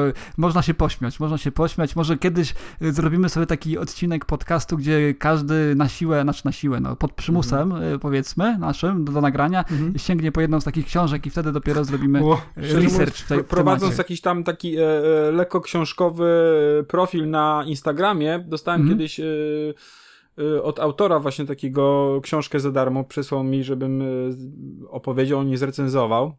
Ale no, po pierwszych 10 stronach to było tak kanciaste, tak, tak ciężko to się czytało. y, To nawet już nie, nie, nie fabuła, tylko y, styl był tak męczący, że y, stwierdziłem, że na, na, naprawdę nie dam rady, mimo najszczerszych chęci po prostu. Wiesz, ja, ja mam takie, takie powiedzenie, że każdy pisać może, jeden źle, drugi gorzej.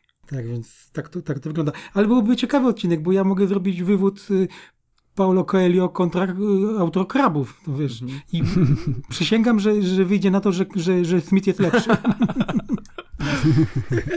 No dobrze, to nie, nie będziemy rozwijać na razie tego tematu. S- są plany, pojawiły się ciekawe plany, cieszę się na nie. Ja, ja tutaj tylko powiem jeszcze też, że- że jeden autor też się do mnie dobija, na, na lubimy czytać, ale to taka bardziej ciekawostka y, zabawna, bo, bo on ciągle do mnie pisze, żebym y, jego książkę przeczytał, no bo jest y, nowym autorem, nie- nieznanym jeszcze, no to nie będę wy- wymieniał, kto Jak to nie jest. znany, to nie czytaj, nie? Ty- Tylko tytuł wymienia, każdy, kto będzie chciał, to sobie po, poszuka. Ty, tytuł nosi, książka nosi tytuł Czarna Samica Kruka i O i mi że, żeby, żebym tę jego książkę przeczytał, ale najśmieszniejsze w tym wszystkim jest to, że, że on mi nie przysyła e-booka, tylko on mi przysyła, żebym ja tę jego książkę kupił i przeczytał i zrecenzował. Tak? Ale tytuł Więc no, dobry. takie- Tytuł jest dobry. No, tytuł fajny, chwytliwy, tak? Tam, tam jest jeszcze podtytuł też jakiś, e, Lot nad krawędzią świadomości i to chyba kryminał To jaki, jest. jaki W w gatunek? każdym razie ja, ja nie wiem, czy to tylko Powiedz mi, jaki gatunek to jest? Kryminał, kryminał. Ja nie wiem, nie wiem, czy to jest dobre, czy to jest złe, nie chcę tutaj umniejszać autorowi, ale ten jego, jego, jego zapał, tak, bo ja mu już odpowiedziałem kilka razy, że y, chętnie przeczytam, chętnie recenzuję, ale y, no, kupować nie mam zamiaru póki co, więc, więc ale nie, on mi, on mi ten, ten, ten spam y, ciągle wysyła, na lubimy czytać ciągle ten z tej samej treści, no i niestety po, pozwoliłem sobie niestety odpuścić tę tę jego książkę, mi- mimo, mimo jego, jego Zbyt zapału w, tak? w naciskaniu przycisku wyślij, tak, bo, bo, bo chyba, chyba, chyba to robi co jakiś czas. No dobrze, to może skończymy o Phantom Pressie.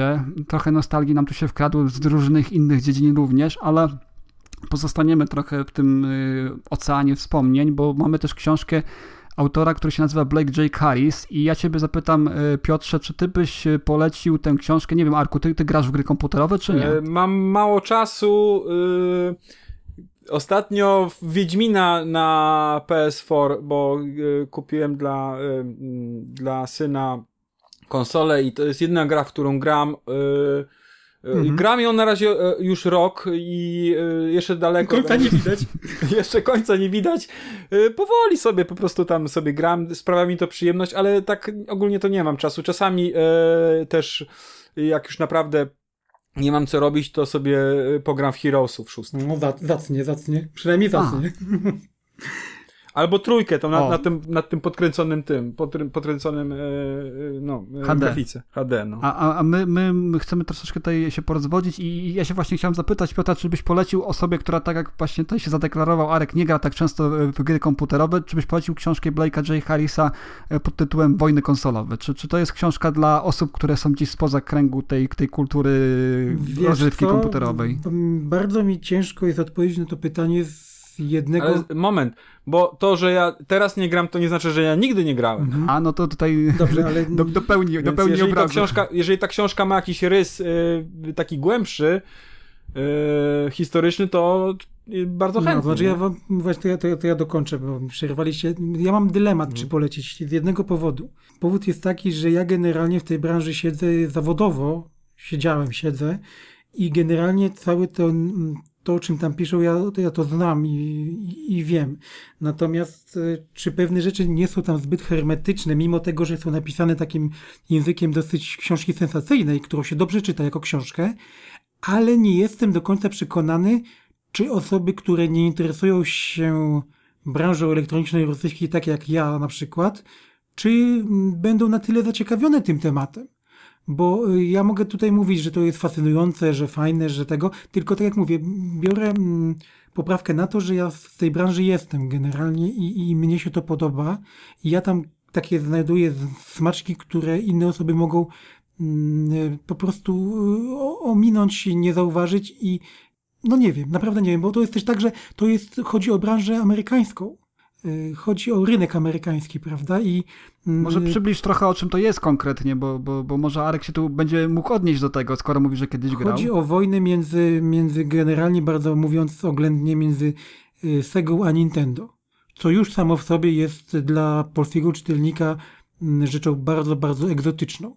Y, najgorsze jest to, że czytając tę książkę, mm, osoba, która niewiele wie o, generalnie o tym tamtym okresie, tamtej tym, tej batalii, która się działa na rynku amerykańskim, yy, może nie zauważyć pewnych rzeczy, które w tej książce są po prostu może nie przekłamane, to może złe określenie, ale są, jak to się mówi, trochę przegięte w jedną stronę, bo dopiero na końcu tej książki jest wyszczególniony, że autor bardzo dużo czasu spędził z byłym prezesem yy, SEGI. I, i w tej książce to widać, że jest pogląd na sprawę, bardzo, bardzo, mm, bardzo jednostronny. I, i, I to jest właśnie ten problem, że osoby, które, mm, które nie czują tego klimatu, nie, nie, nie wchodzili w ten temat, nie, nie są z branży, mogą tego nie wyczuć i, i może im się ta książka po prostu, po prostu znudzić, po prostu nie, nie być, nie, nie, ten temat nie może, nie musi być koniecznie dla nich interesujący, ja to, to, to rozumiem, bo nie każdy się interesuje w, grami wideo, prawda? Więc, więc, więc nie wiem, czy jest to książka dla każdego. Wiesz? No ja, ja powiem ci tak, że, że ja mam znajomego, któremu pożyczyłem tę książkę, ale on był zainteresowany, bo ja taką krótką notkę wrzuciłem na, na Goodreads o, o tej książce, takie podsumowanie po, po mhm. I on zobaczył to, to mój znajomy z pracy, zobaczył e, to i on e, o tyle o ile, no wie co to jest Pegasus, tak, prawda, w swoim czasie każdy się z tą, z tą, z tą konsolką zetknął, ale nie siedzi tak głęboko właśnie, jeżeli chodzi o, o rynek gier, komputerowych. I dla niego była ta książka interesująca, i tu się akurat e, zgodzę z tym, że, że ona ma tę wartość, której on tam szuka.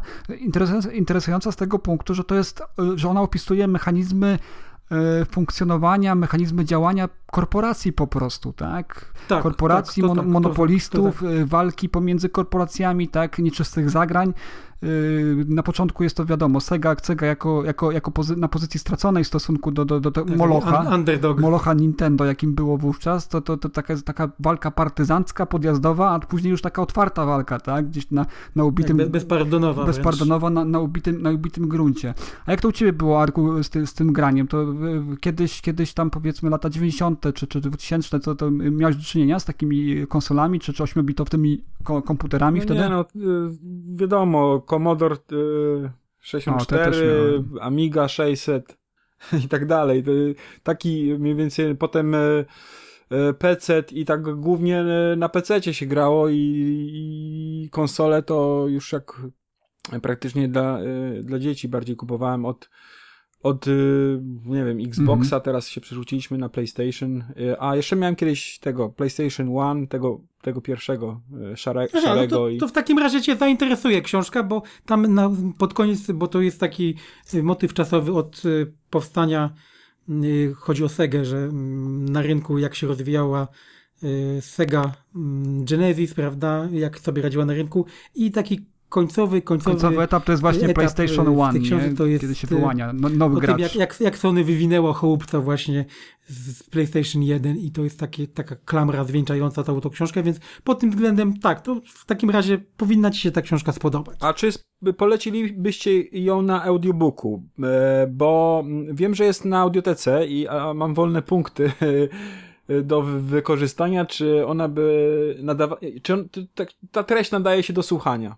Nie jestem przekonany. Moim zdaniem się nadaje, bo, bo, bo, bo, bo ta cała historia jest fabularyzowana, tak? Ona jest taka, no nie jest to jakaś, wiesz, stylistycznie super napisana książka, ale ta cała historia to nie jest taki, wiesz, ty, typowy dokument, tak? Tak, raczej takie sensacyjne motywy są takie. Thriller nawet troszeczkę można powiedzieć, tak? Czyli takie tak, przepychanki tak. między korporacjami, nieczyste zagrania, oszustwa, te, czy, czy, no, mhm. oszustwa też są pewnego rodzaju świństwa też, bo, bo, bo tutaj na początku Sega nie przebierała, ale też została w kilku momentach nieźle wystawiona przez, przez partnera, z którym, z którym próbowała wypuścić super konsolę, czyli, czyli Sony, tak? które później się zdecydowało na wypuszczenie e, swojej własnej konsoli i zdominowało rynek do, do spółki później już z Xboxem, tak, od Microsoftu. Więc tutaj mamy tę całą historię opowiedzianą, jak to drzewiej bywało w, w, tej, w, tej, w tej branży, ale też dużo jest takich rzeczy, Y, odnośnie samych, samych y, ludzi tak zaangażowanych w, tę, y, w, tę, w to, o ich osobistych rozterkach, o ich, o ich problemach, tak, więc tutaj bardzo fajnie się to składa na taką kompletną opowieść o, trochę o czasach, trochę o ludziach, trochę o tej branży też, tak, troszeczkę o branży komputerowej. Tak, dokładnie. dokładnie a trochę tak. też o... Kon konsolowej, bo jeszcze jedna Właśnie, kwestia. to jest Komputery to. są całkowicie pominięte w, w, tym, w tym równaniu, w tej dyskusji. Arek, Arek powiedział właśnie książce. o Commodore 64, tak, to jest taka specyfika rynku europejskiego tutaj, bo, bo my, myśmy jako mhm. Europejczycy, już mówiłem, chociaż jeszcze wtedy w tym okresie niekoniecznie do końca... Perelowczycy byliśmy wtedy. Perelowczycy, ale też to jest tak. specyfika y, wysp też, tak, brytyjskich, że, że do, dominowały kom, komputery, tak, tak. ZX Spectrum, Sinclair, tak, y, Commodore 64, a BBC byliśmy, Micro. Tak, byliśmy mocno marginalizowani przez, e, przez e, właśnie te wielkie korporacje typu Sega czy Nintendo. Oni mieli swoje oddziały w, w Europie, ale to było takie od niechcenia, tak? E, jakieś tam powiedzmy bękarty tych, tych głównych korporacji, dlatego właśnie nam zapisało się bardziej w pamięci ta rzeczywistość tej epoki, jeżeli chodzi o komputerową rozrywkę, bardziej związana jest z komputerami, tak? Natomiast tutaj mamy przedstawienie rynku amerykańskiego, głównie Japonii, ale, ale amerykański rynek głównie, że, że jak to wy, wyglądało tam, tam i tam walka się tak, tak naprawdę rozgrywała pomiędzy, pomiędzy konsolami, tak? No i dla mnie, to ja, ja przesłuchałem tej, tej, tej, tej, tej, tej troszeczkę e, książki w audiobooku też, Mhm. Bo chciałem zobaczyć, jak, jak to brzmi i tak dalej. Tutaj chłopaki z, z Bookbusters ja, yy, słuchają dość dużo audiobooków, ja natomiast jestem takim troszeczkę w opozycji. A do ja, tego, ja, może... ja bardzo w, w opozycji jestem, niestety. I powiem ci, że jedno, co mi się musicie, rzuciło... musicie mnie przekonać y, po prostu. Jedno, co mi się rzuciło, le, lektor jest ogólnie dobry, natomiast y, popełnia kilka błędów, tak? Y, na przykład nazwisko Kaliński, on czyta Kalińskie cały czas mhm. z uporem. Nie wiem, czy to, czy to tak się czyta naprawdę, czy nie, ale ja spotkałem się w różnych wywiadach i materiałach na YouTube, że pre, ten prezes amerykańskiego oddziału SEGI nazywał się Kaliński, tak się go wymawia, to, tak, nie? To, tak, jak, tak jak z polskim tłumaczeniem rosyjskich nazwisk, które tłumaczą tak jakby Amerykanie y, tłumaczyli, tak? No jakoś tak czyta, nie wiem, czy, czy, mu, czy mu nikt nie powiedział, czy, czy może tak się naprawdę przedstawia Kaliński, a cała, cała reszta popełnia błędy wszędzie. W, w każdym razie to, to, to, mi się rzuciło w uszy, natomiast sam, sam lektor y, moim zdaniem jest całkiem przyzwoity. Nie wiem kto to jest, wy, wy może znacie lepiej y, tych panów, ja natomiast teraz nie kojarzę, ale, ale wydaje mi się, że dość dobrze oddaje, oddaje klimat tej, tej historii, także jeżeli ten, spróbuj sobie na, tą, tą, tą darmową... A, spróbuję, bo tam na, zawsze można jakąś, jakiś, jakiś go, godzinkę, godzinkę półtorej, tak, darmowej próbki y, sobie, sobie posłuchać i, i, czy ci, i na pewno sobie spróbuję. Czy ci to przypadnie fabularnie do gustu, czy, czy, czy nie. Mm. No, spróbuję na a pewno. A właśnie, Arku, a co u ciebie teraz ostatnio? Na słuchawkach, czy tam e, na, na, na e-booku? E, na słuchawkach mam akurat y, Katar Lema, y, czytany przez y, Krzysztofa Gosztyłę, więc, ale jestem y, tak dopiero w 30%. Y, nie czytałem tej książki jeszcze, jeszcze y, wszystkiego Lema nie mam przeczytanego. Wszystkie, wszystko Zajdla już mam zaliczone, teraz tak powoli sobie czasami dorzucam coś Lema i, i teraz na słuchawkach akurat mam, mam Katar. Mhm trochę inny gatunek niż, niż y, Lem nas przyzwyczaił, bo to jest taki bardziej kryminał. Właśnie, ja, ja, o, tym, ja o tym słyszałem właśnie w tym, w tej, w tej, czytałem w tej yy, biografii Lema dużo o tym, że to jest taki tak, kryminał tak, bez zakończenia tak. chyba, tak? Coś, coś takiego tam. E, to jest ta druga Aha. wersja. To jest ta druga wersja, ta, która ma mieć zakończenie już, bo Lem napisał już wcześniej e, śledztwo, e, chyba tam 16 lat wcześniej napisał śledztwo, ale nie spodobało się zakończenie, więc napisał Katar. To jest taka jakby druga wersja śledztwa, tym razem z zakończeniem. I, I właśnie to jest na słuchawkach, ale nie o tym mhm. chcę mówić. Czytałem, czytałem książkę mm, Marcina Guska, Komandoria 54. E, ja czasami y, sobie takich nowych polskich autorów y, biorę na próbę, bo można naprawdę fajne perełki wy, wyłowić, tak jak y, ostatnio, co mi się bardzo spodobała, książka Macieja Siembiedy 444, E, ostatnio coś z numerami czytam, bo i 44 Piskorskiego, 444 Macieja Siembiedy, teraz Komandoria 54. Te czwórki wszędzie, nie? Te tak. czwórki tak. je, je, nie chcą się ode mnie schemat, schematem pewnym, tak jak, tak jak kiedyś w tak, jadę, wychodzi na to, że jadę jakimś schematem, no ale trafiła do mnie książka Marcina Guska, Komandoria 54, przyciągnęła mnie okładką, E, tytuł też e, kojarzący się z jakąś e, fantastyką historyczną, coś takiego, fantazy historyczne bo Komandera kojarzy się z zakonem krzyżackim i to jest taki, y, okładka jest taki jak przywodząca pierwszą myśl krzyżacy. No ale y, książka ma całkowicie inny, inny klimat i, i to nie jest książka dobra według mnie. Y, zawiodłem się na tej książce. Książka e, opowiada o dziewięciu młodych rekrutach, nastolatkach, którzy Y, są zwerbowani do y, tytułowej komandorii 54, tam do, tak, do zakonu szarych płaszczy. I tam jest jeden gość, który jest, ma ten szary płaszcz, a oni są rekrutami, którzy mają się uczyć. Nie mają szarych płaszczy. Nie mają jeszcze szarych płaszczy. mają dostać dopiero szare płaszcze w odróżnieniu do, do czarnej straży z Która ma czarne Martina, to tutaj, tutaj poszliśmy w kolor szary. Tak, tak. E... Piękny. Ale podobno krzyżacy też, y, ci co nie byli rycerzami, też nosili się często na szaro. Z tego co pamiętam. Ale dobra, zostawmy tych krzyżaków.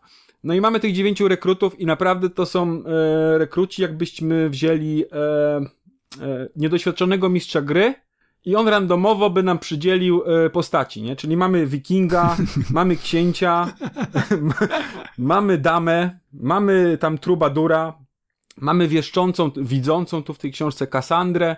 Oryginalne, imię. bardzo oryginalne. Może, może mieć, jakie imię może mieć widząca?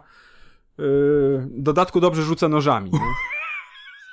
Dobrze widzi to i dobrze rzuca, nie? No ale jak nie widzi, to nie rzuca, nie? No i no jest kilka takich właśnie y, archetypicznych postaci. Matylda, nieokrzesana wojowniczka, która y, y, nie boi się, nie wstydzi się paradować z gołym cycem na wierzchu. No, Wielka tak Matylda. powiem. No i nie wiem czemu autor uparł się książkę dzielić na rozdziały. Bo według mnie to powinien podzielić na opowiadania, bo te rozdziały są skończonymi jakby małymi, krótkimi historiami. No, łączy ich ta komandoria, łączą ich główni bohaterzy, ale nie ma jakiegoś tak naprawdę głównego y, plotu tego, y, tej całej książki. Nie ma. Nie ma nic takiego, y, nie widzę żadnego progresu tak naprawdę u, u tych re rekrutów. Nie jest pokazane żadne specjalne szkolenie. Oni po prostu przyjechali do tej komandorii i wykonują, wykonują zadania strażników właśnie tych szarych płaszczy. Mało tego, y, ten język, którym oni dysponują, y, operują, to nie jest język nastolatków, to jest język doświadczonych, steranym, sterany życiem, kurczę, y, starych kurewiarusów wojskowych. Nie? Mógłbym tą książkę po, polecić e, e, młodzieży, tak? Bo taki modny nurt, young adult, nie, nie, fajnie nie wnoszę tego gatunku. Tak. Na siłę dał, dałoby radę. Opowiadania Na fantastycznych pewno... dla młodzieży. Y, ale są ludzie, którzy czyta, czytają to nawet, y, nawet do, dorośli, którzy, którzy lubują się w tym gatunku. No i mógłbym polecić y, takiemu młodemu czytelnikowi tą książkę, bo tam są przygody, tam są różne potwory, są śledztwa. Mm, rzucanie nożami też jest. Czarne pewnie. moce, rzucanie nożami ale no jeszcze Uuu. natłok wulgaryzmów dołożył, dołożył tam. To, tak naprawdę to ja nie wiem, dla kogo jest, jest ta książka, bo wyrobiony czytelnik, e, fabuła dla wyrobionego czytelnika tam jest zbyt prosta. E, no, no, no nie, tak, fabuła jest naprawdę bardzo od A do, do Z dochodzimy od punktu A. Żadnych twistów, żadnych jakichś skomplikowanych y, historii, żadnych przeplotów, niczego. Mhm. Znaczy wiesz, jeżeli Prosta... takie, takie książki są, jeżeli tak jak mówisz, że, że nie są zbyt wyrafinowane pod tym względem, to przynajmniej powinny się bronić dobrze napisanym, dobrym językiem. Jak to jest? Nie, nie bardzo, z tego co słyszę. No język jest, y, no, co hmm. najwyżej poprawny. To niedobrze. No ale na, przykład y, oprócz tego, że tam mamy tą komandorię i te, te wsie, które tam są y, okoliczne, to tam mamy jeszcze wojska Imperium i one y, już jakby się wziął, nie wiem, z, z Legionów mhm. Rzymskich, nie? Y, to jakby mówię, no kurczę, y, y, rolę ten, mistrza gry bierzemy i on tutaj wymyśla różne właśnie rzeczy, tu legiony rzymskie postawimy i, i on ten. A oprócz tego, no, jest takich dwóch legionistów, to po prostu już wtedy już westnąłem, mówię, no nie, no. Jeden się nazywa Jeden się nazywa Flawiusz, taka para jest legionistów, jeden się nazywa Flawiusz, a drugi Ziutek. No jak można zestawić te dwa imiona razem? Wiesz co, może, może autor się zorientował, że jest bardzo mało, mało oryginalny, więc postanowił pójść na całość już. No i oni zawsze występują razem, oni chodzą parami wszędzie, Flawiusz brak, i Ziutek. Brak mi słów. Trochę. No to jest. No... Nie wiem, co, nie wiem, co powiedzieć. Ja, ja, widzę, że to jest jego debiut książkowy y, no. te, tego autora. E, tak, to jest jego debiut książkowy. Dałem trzy gwiazdki na Lubimy Czytać, bo ja, ja nie niższę książek. E, e, tak jak tutaj gdzieś w jakimś wpisie E, Rafał, mhm. dałeś do y, tego pana, który czyta dużo książek, zapomniałem mhm, nazwiska. Wiem, wiem, pana Gołębieskiego, e, tak, tak. Mm. genialna postać. Pana mhm. Gołębiewskiego, to widziałem, on y, jest y, mało kompromisowy, on daje albo jedną gwiazdkę, albo, albo dychę często. Dychę raz, raz na rok? Dycha raz na rok, tak? No, ale 10, te, tak, tak. Ale tak. sporo książek... Ale, ale opis to zawsze uzasadnia. Sporo książek niszczy po prostu jedną gwiazdką. No, Waziutka i Flawiusza to dwójka się co najmniej Ja tu dałem trzy jako książka słaba, bo, bo mimo wszystko, no, no da się ją czytać. Wymęczyłem ją do końca. No, no nie, no, ale ogólnie y, to jest pierwszy tom. E, będą dalsze części, podobno trzy. No ale już nie sięgnę dalej. Y, także na razie Marcin Guzek idzie w odstawkę, ten autor. Y, no to co, co ciekawe, tyle, no. co ciekawe, tutaj pewną taką ironią napawa to, że, że wcześniej ukazała się jego jego opowiadanie ukazało się w tomie nazwanym Geniusze Fantastyki. Tutaj nikomu nie ujmując, bo ja tam widzę pa, parę naprawdę fajnych nazwisk, których, pisarzy, których ja lubię, czy, czyli e, David Kane, e, czy Kain, bo to po, chyba polski albo pseudonim, Romuald Pawlak, ja też bardzo go lubię, Annę Kaintoch -hmm. też, mhm. też, też uważam za dobrą autorkę. Też. No, ale a, gdzieś tam, gdzieś tam troszeczkę tak e, sardonicznie brzmi to zestawienie ale z tym, powiem co... ci, że y, to może się sprawdzić, y, bo jeśli, jeśli ten autor y, dobrze się czuje w opowiadaniach, gdyby tę tą książkę gdzieś wykroić ze środka jakiś kawałek, jeden rozdział lub pół rozdziału i to by naprawdę wyszło dosyć fajne opowiadanie, ale jako całość to się nie klei według mnie. Właśnie to jest ciekawa, ciekawa kwestia. Autorzy tacy, mm, którzy debiutują, od razu się rzucają na tomiszcze, żeby wielkie tomiszcze zrobić, napisać, a najlepiej, żeby miało nawet nie, nie trylogia, tylko pięcioksiąg najlepiej, żeby od razu Ale te, ta książka jest gruba dość sama w sobie, 490 stron to ma, to, to, to wiesz, tak, konkretny zamiast, tom. Zamiast zaczynać od krótszych form, a nawet jeżeli od nich zaczynali, to napiszą jedno, dwa opowiadanka i mówią sobie, no dobra, ziutek, to teraz robimy? Wielką, wielką księgę, taką grubaśną, żeby była na półce księgarskiej mm, ładnie się prezentowała. No i to jest trochę takie, no, idiotyczne dla mnie, no ale no cóż. No, no ale nie wszyscy, y, sporo autorów no nie, nie, właśnie, nie wszyscy, ja, pamię ale, ale część ja tak pamiętam, y, Pamiętam y, dużo autorów, którzy są dobrymi autorami, naprawdę, mhm. i na, na przykład jak Robert Wegner, którego uważam za świetnego tak, tak, autora. Też, też pamiętam, tak, tak. pamiętam, że zaczynał właśnie w, w piśmie mm, fan, y, nie, nie, nie nowa fantastyka, tylko w tym science fiction, fantasy i horror. Mhm. Y, właśnie krótkie formy, krótkie formy, bardzo dużo tego, tego i w końcu po, po, y, połączył to, połączył to bardzo dobrze. Tu właśnie mhm. je, można rozróżnić, jak połączył te opowieści z pogranicza Robert Wegner, a jak y, zrobił to Marcin Guzek. No, no. no pierwsze no. tomy opowieści z mekańskiego pogranicza, no to były takie nowelki też, tak? Mhm. Gdzieś tam w, w, tym świecie osadzone, które gdzieś tam kom kompletowały ten świat, no pomalutku no tak. odsłaniały jego, jego, jego jakąś tam przeszłość, historię, tak? Tą całą mhm. mitologię, a dopiero później przerodziły się wraz z kilkoma bohaterami, którzy przeszli do tych pełnoprawnych powieści, mhm. przerodziły się w, w historie szersze, tak? To, to tak, jest akurat... ale to jest właśnie dobry przykład, jak to zrobić dobrze że yy, można, można umieścić te yy, też opowiadania w książce, żeby po prostu podbudować jakoś yy, dalej ten, y, ten klimat tego, tego, co tam się dzieje, pod, y, pokazać ten świat, no i potem wystartować z grubszym właśnie materiałem, do, do, do, dorzucić do tego i to wszystko tam się y, ładnie skleiło, a tutaj, no nie, no nie skleiło się. No. Mhm.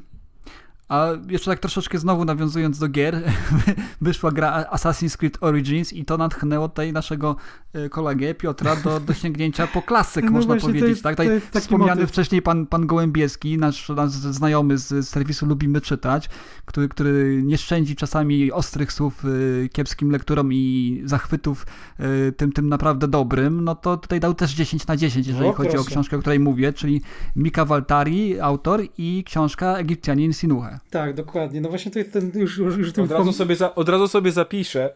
Tak, już o tym wspomniałeś. E, wyszedł tydzień temu, mm, wyszła gra Assassin's Creed Origin, czyli kolejna odsłona, już dziesiąta przygód Asasyna, tym razem w starożytnym Egipcie. I co ja zrobiłem po instalacji? Oczywiście zamiast grać, stwierdziłem, że trzeba coś przeczytać, więc yy, sięgnąłem po, to, to przez ciebie, bo ty mi poleciłeś w sumie, yy, Egipcjanina Sinuche. Oprócz tego mamy jeszcze ochotę jeszcze raz, chyba już trzeci czy czwarty, przeczytać Faraona Prusa. O nie. Dlaczego? Mi się bardzo podobało. Y, to jest jedna z niższych lektur, których, których nie dałem rady mimo o, wszystko. Mi się, ja, ja, wiesz, ja, ja, jestem frikiem starożytności w ogóle, więc mhm. mówisz do osoby, która przeczyta wszystko, nawet jakby było, wiesz. No. Y, I mam jeszcze ochotę jeszcze raz przeczytać Krzyż Nilu Niżnikiewicza. A tego nie znam. No to, to poznaj. Całkiem ciekawa książka. Akurat y, podoba ci się, bo lekarz z naszych czasów, Polak w dodatku, no bo przecież wiadomo, Niżnikiewicz to jest polski autor, przenosi się do starożytnego Egiptu to jest, to jest dla ciebie akurat, bo ty mówiłeś przy nagraniu kilkanaście, kilkadziesiąt minut temu, że lubisz, że podróże lubisz podróże w czasie. W czasie tak. tak. więc to jest książka dla ciebie. Krzyż Nilu Niżnikiewicza mm. sobie zapamiętaj. No ale wracając do, do, do, do lektury, no tak jak mówię, no, ja zacząłem troszkę grać w Asasyna i stwierdziłem, że trzeba sobie klimat podbudować, bo ja lubię tak sobie podbudować klimat gry na przykład, więc wziąłem, sięgnąłem po lekturę yy, Waltariego i muszę przyznać, że jestem bardzo, bardzo, bardzo pozytywnie zaskoczony ta książka jest, yy, znaczy rewelacyjnie się czyta, znaczy yy, flow czytania, znaczy wiesz, sięgasz po tą książkę i nie możesz się oderwać. Ja za pierwszym razem przeczytałem 140 stron. To, to na pierwszym posiedzeniu tak nie mhm. wiedziałem, kiedy, kiedy, kiedy zacząłem i kiedy skończyłem, szczerze mówiąc. To było, jeżeli tak, tak się ze mną dzieje w przypadku lektury, to znaczy to, że to jest dobra książka. No tak. tak, więc to jest, to jest, to jest taki tak, motyw. Tak, tak zwanie przyżarło. Tak, przyżarło, tak, tak, tak. Można, można tak to ująć. Yy, jeszcze daleko nie jestem za bardzo, w, yy, tak jak mówię, jestem na dwusetnej bodajże teraz stronie, więc nie mogę jeszcze wypowiedzieć się dokładnie o całości, prawda, bo jak żeby inaczej, ale yy, to chyba ty wspomniałeś, że są klimaty jak trochę jak z Grotron, prawda? Mhm. Rafale, tak, tak, tak, mi to poleciłeś mniej więcej, prawda? Też. No są, są, są takie, jak, jak to się mówi, yy, zagrania typowo martinowskie. Ja, ja to zawsze, mhm. kiedy głównemu bohaterowi dzieją się złe rzeczy, tak? Ja to przy, przykładałem też do, do Kena Folletta troszeczkę swego czasu do, do, do filarów, ognia, filarów ziemi. ziemi. przepraszam. Filarów ziemi. Sup, Boże, mogą być i filary ognia. ognia. Słup ognia to jest najnowszy, najnowszy tom. Tro, trochę zawsze się mylę teraz przez to. Yy, I też właśnie to przykładałem do, do Sinuedzie, gdzie, gdzie on też przeżywa różne takie perypetie, które no przewa przeważnie mamy takie, tak, tak, tak że, że yy, autor lubi głównego bohatera i mu tam sprzyja i tak dalej, ale Waltari to nie szczędzi mu tych, tych tak, przykrości. Tak, Dzieją się tutaj bardzo, bardzo złe rzeczy też, też głównemu bohaterowi, a, a, a sama historia to jest taki z perspektywy właśnie tego tytułowego Egipcjanina, to jest takie spojrzenie na, na, na rzeczywistość epoki. To nie tylko sam Egipt, tak? Nie tylko tam ta Dolina Nilu, ale też, też, też krainy, tak? Które wówczas no, były takimi imperiami w, te, w tamtym czasie, tak? Czyli, czyli też zawita na Kretę, tak?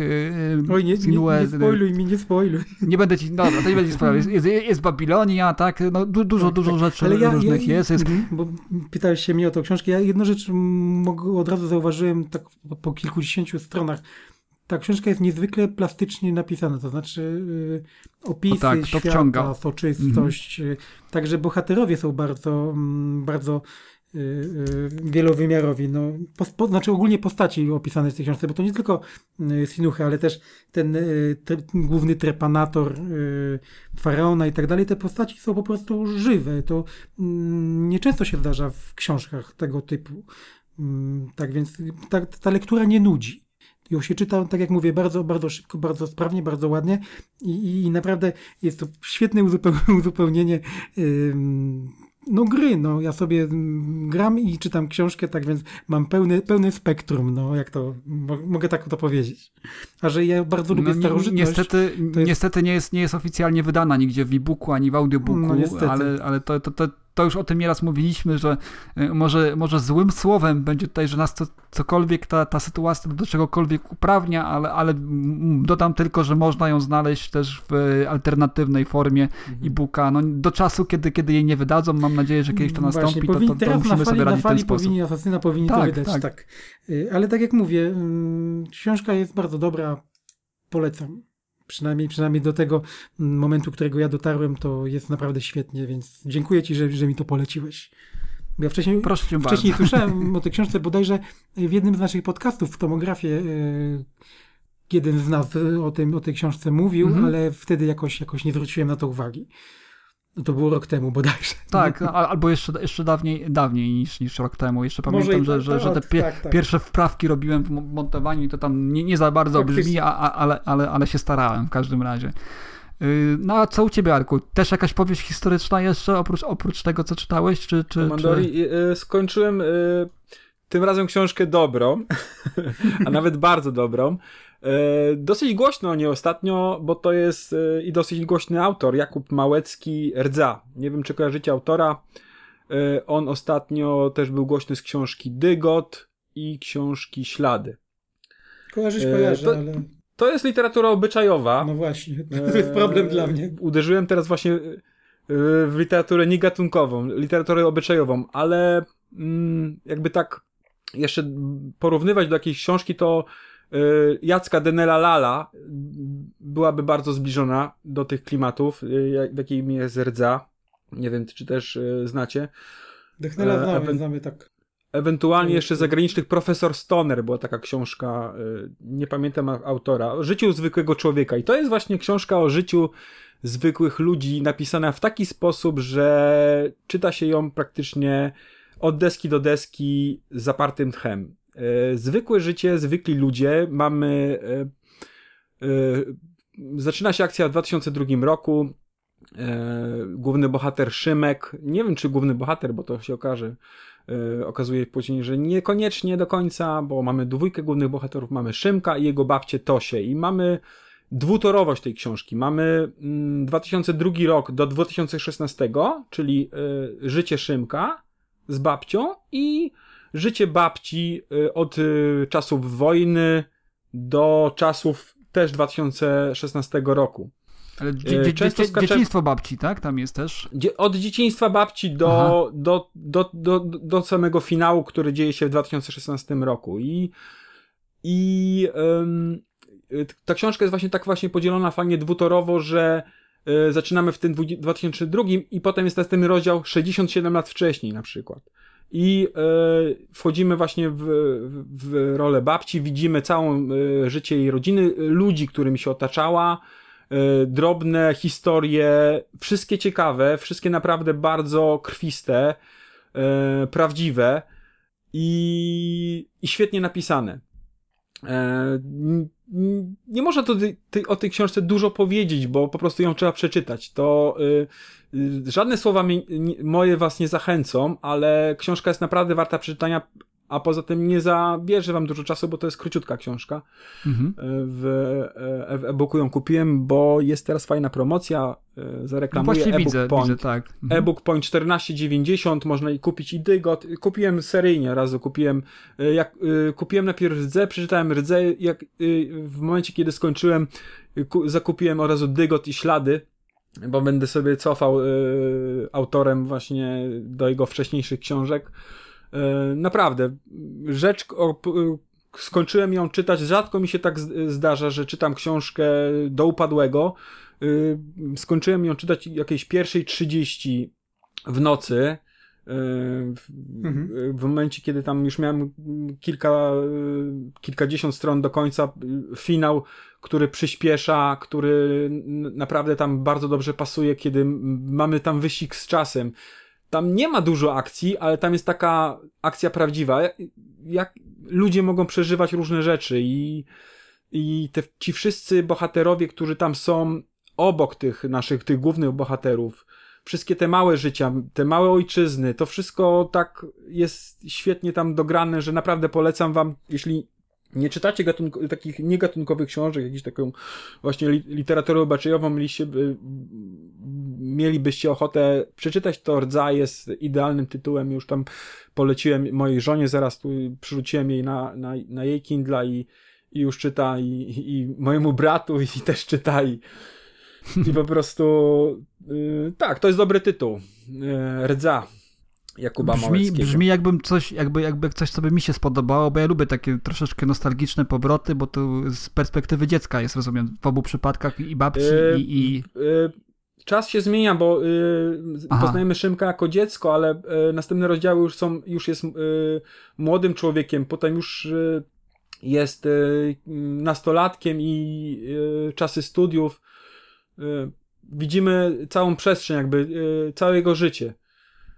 No i e, druga rzecz, ta dru- dwutorowość, czyli mamy od dziecka e, tą babcię Tosię, poznajemy do tego momentu, kiedy dostajemy początek książki i dlaczego e, do, dowiadujemy się dużo szczegółów, dlaczego jest jak, jak było. Na początku książki tego nie wiedzieliśmy, bo za słabo znaliśmy właśnie tą babcię Tosię i, i za słabo znaliśmy tych wszystkich ludzi wokół, za słabo znaliśmy mamę i ojca e, Szymka. Czemu, e, czemu nie mieszka z, z rodzicami? To, jest, to nie jest duży spoiler, bo tak się zaczyna książka. Książka zaczyna się od wypadku rodziców e, Szymka. Giną w wypadku i później a potem jeszcze żyją, bo w kolejnych rozdziałach późniejszych dochodzimy do, do dzieciństwa rodziców i tak dalej, i tak dalej. Jest naprawdę y, warto przeczytania książka. Y, będę, będę ją polecał. E, podpisuję się pod pewną, pełną odpowiedzialnością za to, co mówię, hmm. że, że, że, żeby czytać. Oceny, oceny na Lubimy Czytać potwierdzają to, bo to wszystkie jego książki gdzieś tak średnio mają minimum te 8 na 10, co, co też jest mm. takim dodatkowym tutaj przesłanką za, tym, że, za to, żeby to, po to sięgnąć. I w ogóle ja lubię takich autorów, którzy, tak mówisz tutaj, na samym początku coś się dzieje, jest takie trzęsienie ziemi, ale nie wszystkie karty jeszcze są odsłonięte, tak? I, mm -hmm. dopiero później sukcesywnie się wszystko uzupełnia. Na pewno sięgnę, Pe pewnie skorzystam z tej samej promocji e e urodziny e-book Point, jednej, jednej z księgarni, w której, w której też kupuję i, i na pewno na pewno pewno, na pewno sięgnę, bo ja lubię. Ja w przeciwieństwie, nie wiem, czy ciebie Piotrze to zachęciło, czy, czy, czy nie, bo, bo ty tak, tak bardziej... Tak, tak, raczej, no, raczej tak, ale teraz mam tyle lektur po pachy, że do przeczytania. No właśnie. Tak, to, to... Sobie zapiszę w moim kaj kajeciku książek do przeczytania. Zauważyłem, że właśnie autor jest, y, dlaczego w ogóle sięgnąłem po rdze, bo zauważyłem właśnie, że autor jest dosyć modny i, e, i chwalony wszędzie. Jakiś mhm. program oglądałem, y, jakąś recenzję, przy, przy, przypadkowo wpadła mi gdzieś w, o, w oczy w, w internecie i to wszystko jakby sprowadzało się do tego, że dobra, spróbuję sobie tego Jakuba Małeckiego. No, to jest autor, który się wywodzi właśnie też z fantastyki, jak sporo autorów. I nie czytałem y, żadnej fantastyki jego, co prawda, żadnego opowiadania, y, o ile pamiętam, nie znam. Więc będę się tak powoli cofał do jego początków. Zacząłem od, od, od tego jej najle jego najlepszej książki, bo, bo podobno ma, progres jest zwyżkowy u niego cały czas. Yy, no i jakość książek też yy, rośnie tam u niego, więc yy, tak, będę, będę, będę się cofał, ale czy, czy będzie to tak, taki duży spadek, to, to, to, to myślę, że nie, że dobry autor to obroni się sam cały czas. Mhm. No nie wiem, macie jeszcze jakieś książki, bo, bo nie wiem, czy, czy już y, anonsować już ostatnią dzisiaj książkę. No jeszcze mogę tylko jeszcze dodać, y, no może raczej polecić, y, nowe wydanie opowiadań o Konanie Barbarzyńcy. Aha. Y, w nowym, nowym, y, w nowym tłumaczeniu.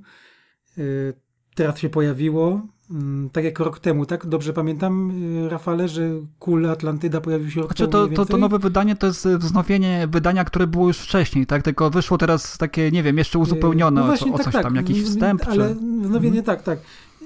To jest w nowym, w, jest tak, nowe tłumaczenia, w nowym tłumaczeniu jest, prawda, i tak dalej. I ja, mnie jako fana um, Howarda i w ogóle tych klimatów, ta książka bardzo, bardzo usatysfakcjonowała i, i krótko mówiąc, bardzo polecam. Trzeba ją mieć w swojej kolekcji, jeżeli jest się fanem y, fantazy gatunku, po prostu. A już we wtorek wychodzi zbiorcze wydanie Belgariady w twardej oprawie twardej no, oprawie z wydawnictwo Temu się należy osobny, osobny, osobny temat się podcast. należy mojej ukochanej, ukochanej książce. A, słysza, a słyszałem wa właśnie waszego podcastu o, o właśnie o, te, o e, Eddingsie. O tym, mm. o tej serii i, I, tak się zastanawiam, czy, czy się nie brać za, za, za tego No trzeba się brać, trzeba. Trzeba. Belgariada Koniecznie. wychodzi w super wydaniu teraz. 1296 stron y, będzie miało, to już za dwa dni. Y, nie jest cena też wygórowana. 75 y, zł no to moim zdaniem nie jest żadna cena za, za takie wydanie y, zbiorcze. Absolutnie. Zresztą Pruszyński to dość często robi i, chwała mu za to. Również wyjdzie, podejrzewam, że wyjdzie również w e-booku, czego, czego też oczekuję, bo nie ma takiego wydania w e-booku, które gdzieś tam by kompletowało to wszystko, tak, jednolicie, więc, więc fajnie będzie że to wyjdzie. No ja już swoje powiedziałem na temat Belgariady. Tutaj tylko dodam, że Piotr jest wielkim fanem, to jest, to jest Och, jego ulubiony... To jest moja ukochana książka. Słychać było w podcaście. Słychać było w podcaście. tak, tak. Więc tutaj Dokładnie tak. premiera listopada, tak? Belgariada Davida tak. Eddingsa. A ja jeszcze na koniec tylko powiem, e, nie wiem czy kojarzycie taki, nie wiem jak u was jest z oglądaniem seriali, mowa głównie o, Netflix, o Netflixie. Dobrze. E, całkiem, niedawno, dobrze. Całkiem, całkiem niedawno pojawił się na Netflixie serial Mindhunter. To jest serial sygnowany przez, przez e, Davida Finchera, tak? E, wiadomo, od, od, od siódemki. O, FBI, tak? tak. Y, to jest, to kojarzę, tak. tak. to jest serial, którego akcja, akcja osadzona jest w latach 70. To jest chyba 76, 76 lub 78 rok, teraz nie, nie pamiętam dokładnie. I opowiada serial o tym, jak się kształtowała je taka specjalna jednostka behawioralna FBI, której zadaniem było i jest obecnie, tak, bo to były y, w serialu obserwujemy początki tej jednostki, kiedy y, troszeczkę była ta traktowana działalność tych dwóch agentów, bo to się od nich zaczęło była traktowana jakieś takie mambo jumbo, czarna magia, tak, wróżenie z fusów i, i próba y, wcielenia się w Sherlocka Holmesa, tak, Czy, czyli y, bazując na, na, na rozmowach z największymi y, seryjnymi mordercami tej epoki, tak, y, Camper tam jest chyba się nazywa jeden z tych, tych seryjnych morderców i, i inni, naprawdę jest tego Jeffrey Brudos też, e, najsłynniejsi seryjni, seryjni mordercy, którzy, którzy już wtedy byli osadzeni i próba zrozumienia tak działania psychiki takiego mordercy na podstawie tego, tych uzyskanych informacji próba też zapobiegania w przyszłości takim mordercom, czyli łatwiejsze profilowanie morderców, tak, na podstawie tego, co dokonali, tak, jakich, jakich zabójstw, żeby powstrzymać serię na przykład w przyszłości, tak. No i tutaj dochodzimy właśnie do tego, że jest to, jest to serial, który powstał na podstawie, na podstawie autentycznych wydarzeń oczywiście. To jest to na, pod, na podstawie autentycznych wydarzeń i książka mm, nosi tytuł Mindhunter, tak samo jak serial. Jej autorem jest, jest e, były agent FBI e, John Douglas, już nieżyjący niestety, i, i, chyba nie żyjący, Boże, teraz mam nadzieję, że nie strzeliłem jak, jakiejś gafy. W, w, każdym razie do współpracy zaprosił, e, muszę tutaj sobie wyszukać, bo gdzieś mi ta zakładka uciekła. E, Mindhunter, e, książka. Y, do współpracy John Douglas zaprosił y, Marka Olszakera, Olszakera to się chyba czyta, to jest taki ghostwriter, który spisał jego, jego historię, tak, na podstawie właśnie, tak, chyba, chyba już nie żyje ten, ten, ten agent FBI John Douglas, bo, bo tutaj y, w samym wstępie książki jest napisane, że korzystał też ze wspomnień ojca głównie, tak, na, na, na podstawie wspomnień ojca oparł y, fabułę tej książki, tak jakby, bo ona jest pisana z pierwszej osoby, czyli tak jakby, jakby pisana przez samego Johna Douglasa, agenta FBI. I, i agent ten właśnie stworzył podwaliny pod, pod, pod stworzenie takiej jednostki behawioralnej, dzięki czemu y, w dzisiejszych czasach dzisiejsza kryminologia jest w stanie bardzo szybko dojść do tego, y, jakie cechy, jakimi cechami wyróżniają się, może być podejrzany o, o dane morderstwo y, zatrzymany chociażby, czy, czy, czy poszukiwany, tak, morderca, dzięki czemu, tak jak wspomniałem, można, można w dzisiejszych czasach temu wszystkiemu zapobiec. Wtedy to było traktowane jak, jak, jak, jak, jak czarna magia, tak, kiedy, kiedy tutaj mm, właśnie w książce jest to opisywane, kiedy oni zaczynali, kiedy jeździli po tych wszystkich e, komisariatach gdzieś tam na, na, na pograniczu Stanów Zjednoczonych i próbowali tym policjantom, tak, już e, stażem doświadczonych, doświadczonym policjantom tłumaczyć, że e, na jakiej podstawie, z jakich przesłanek psychicznych wypływa działanie danego mordercy, kogo mają szukać, bo oni przyjeżdżali tam do, do taki, na taki posterunek i mówili 30-letni mężczyzna, prawda, mieszka z matką, nienawidzi psów, na pewno w dzieciństwie był molestowany i tak dalej. No i teraz tacy policjanci doświadczono tak, ale sk sk sk skąd oni to biorą, tak? Skąd im się to bierze? Wróżą z fusów, nie? I, I na początku podchodzi do tego tak troszeczkę, można powiedzieć, z dystansem, no ale później, kiedy zaczęły, zaczęły te profile, które, które oni im przekazywali, odnosić skutek, kiedy, kiedy zaczęło im się udawać powstrzymać lub zmusić na przykład do przyznania się do winy y, morderców, no to zaczęła się jednostka rozwijać, tak? Oczywiście większe fundusze za tym szły, no ale sama książka właśnie opisuje na samym początku te, te, te początki, tak? Kiedy było trudno, kiedy nikim nie wierzył, kiedy ludzie się z nich po prostu śmiali też, tak? Kiedy trudno było przekonać przełożonych w FBI też, nie? Ale później, taka powiedzmy druga część książki, bo ona jest mocno autobiograficzna, czyli też tam dowiadujemy się bardzo dużo o samym Johnie Douglasie, mm, gdzie dorastał, kim był, jaki był w szkole, to mało moim zdaniem ciekawe rzeczy, taki troszeczkę obraz narcystyczny wychodzi w opozycji do tego, co mamy y, jego, jego, jego, jego serialowy odpowiednik, który się nazywa inaczej w serialu, to, to nie, nie wykorzystali tych samych imion i nazwisk, co ciekawe. Później przechodzimy właśnie do tych najsłynniejszych spraw, w których on brał udział, tak? Czyli mamy tutaj najsłynniejsze morderstwa. Tutaj trzeba dodać, że też opisane z bardzo dużą szczegółowością. Jeżeli mówię, ktoś jest wrażliwy na punkcie tego typu rzeczy, yy, czy, czy w ogóle takie rzeczy mogą, mogą wywołać niesmak, może niesmak to nie jest dobre słowo, ale wywołać no, takie stany współczulne, że po prostu no, aż, aż, aż za gardło chwyta. Ja tak miałem na przykład, kiedy, kiedy były to opisywane szczegóły pewnego morderstwa, pewnej niewinnej osoby, nie, niewinnej dziewczyny i i to jest wszystko opisane z, z taką pełnią, pełną szczegółowości, yy, do, jak, do, jak, do jakich e, czynów się ci zwyrodnialcy wszyscy byli w stanie posunąć, no to naprawdę to jest mocna rzecz. No, mocna książka naprawdę dla ludzi o mocnych nerwach, też... E, Warto dodać, że czyny właśnie Johna, Johna Douglasa, jego, jego kariera i, i, to, to, w jaki sposób prowadził te śledztwa, były inspiracją też dla najsłynniejszych e, filmowych e, postaci, tak, znanych chociażby z Milczenia Owiec, czy, czy, czy, czy innych e, thrillerów, tak, bo, bo no, bazował, on brał w ogóle udział w większości tych najsłynniejszych, najsłynniejszych śledztw, tak, najsłynniejszych seryjnych morderców i tutaj to wszystko jest naprawdę z wielką szczegółowością opisane, dodam jeszcze na, na, na koniec, y, że, że w tej książce możecie się dowiedzieć tak naprawdę, kim był y, Kuba Rozpruwacz, tak? Naj, najsłynniejszy seryjny morderca wszechczasów. Właśnie wykorzystując swoje nabyte umiejętności, y, John Douglas przeprowadza tutaj taką akcję i ją bardzo dobrze opisuje, tak? Bo to była z tego czasu przeprowadzona transmisja live, gdzie on tam badał dowody, był wielki show wokół tego zrobiony, że wreszcie są w stanie przewidzieć, powiedzieć, kim był, bo było kilku podejrzanych, tak? Wiemy z historii, że było kilku podejrzanych podejrzanych nikt na 100% nigdy nie wskazał.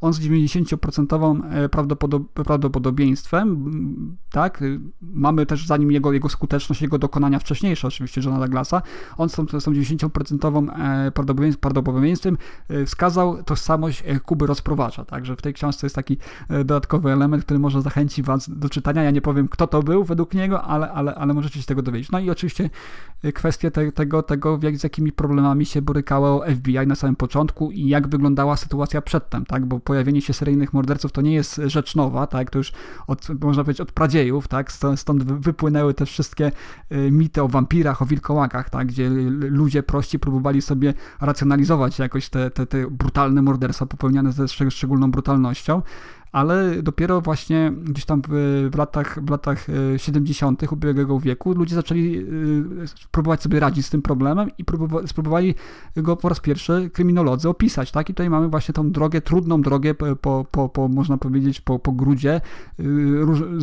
borykając się z różnymi problemami, tak? Z, z jednej strony z ostracyzmem, z drugiej strony z takimi dość, dość dziwnymi rzeczami, na przykład jak, jak konserwatywni zwierzchnicy, tak, bo mamy jeszcze tutaj schyłek epoki Hoovera, tak, który, który dość powiedzmy tradycyjnie podchodził do tego, w jaki sposób powinna funkcjonować, powinno funkcjonować FBI i policja, tak?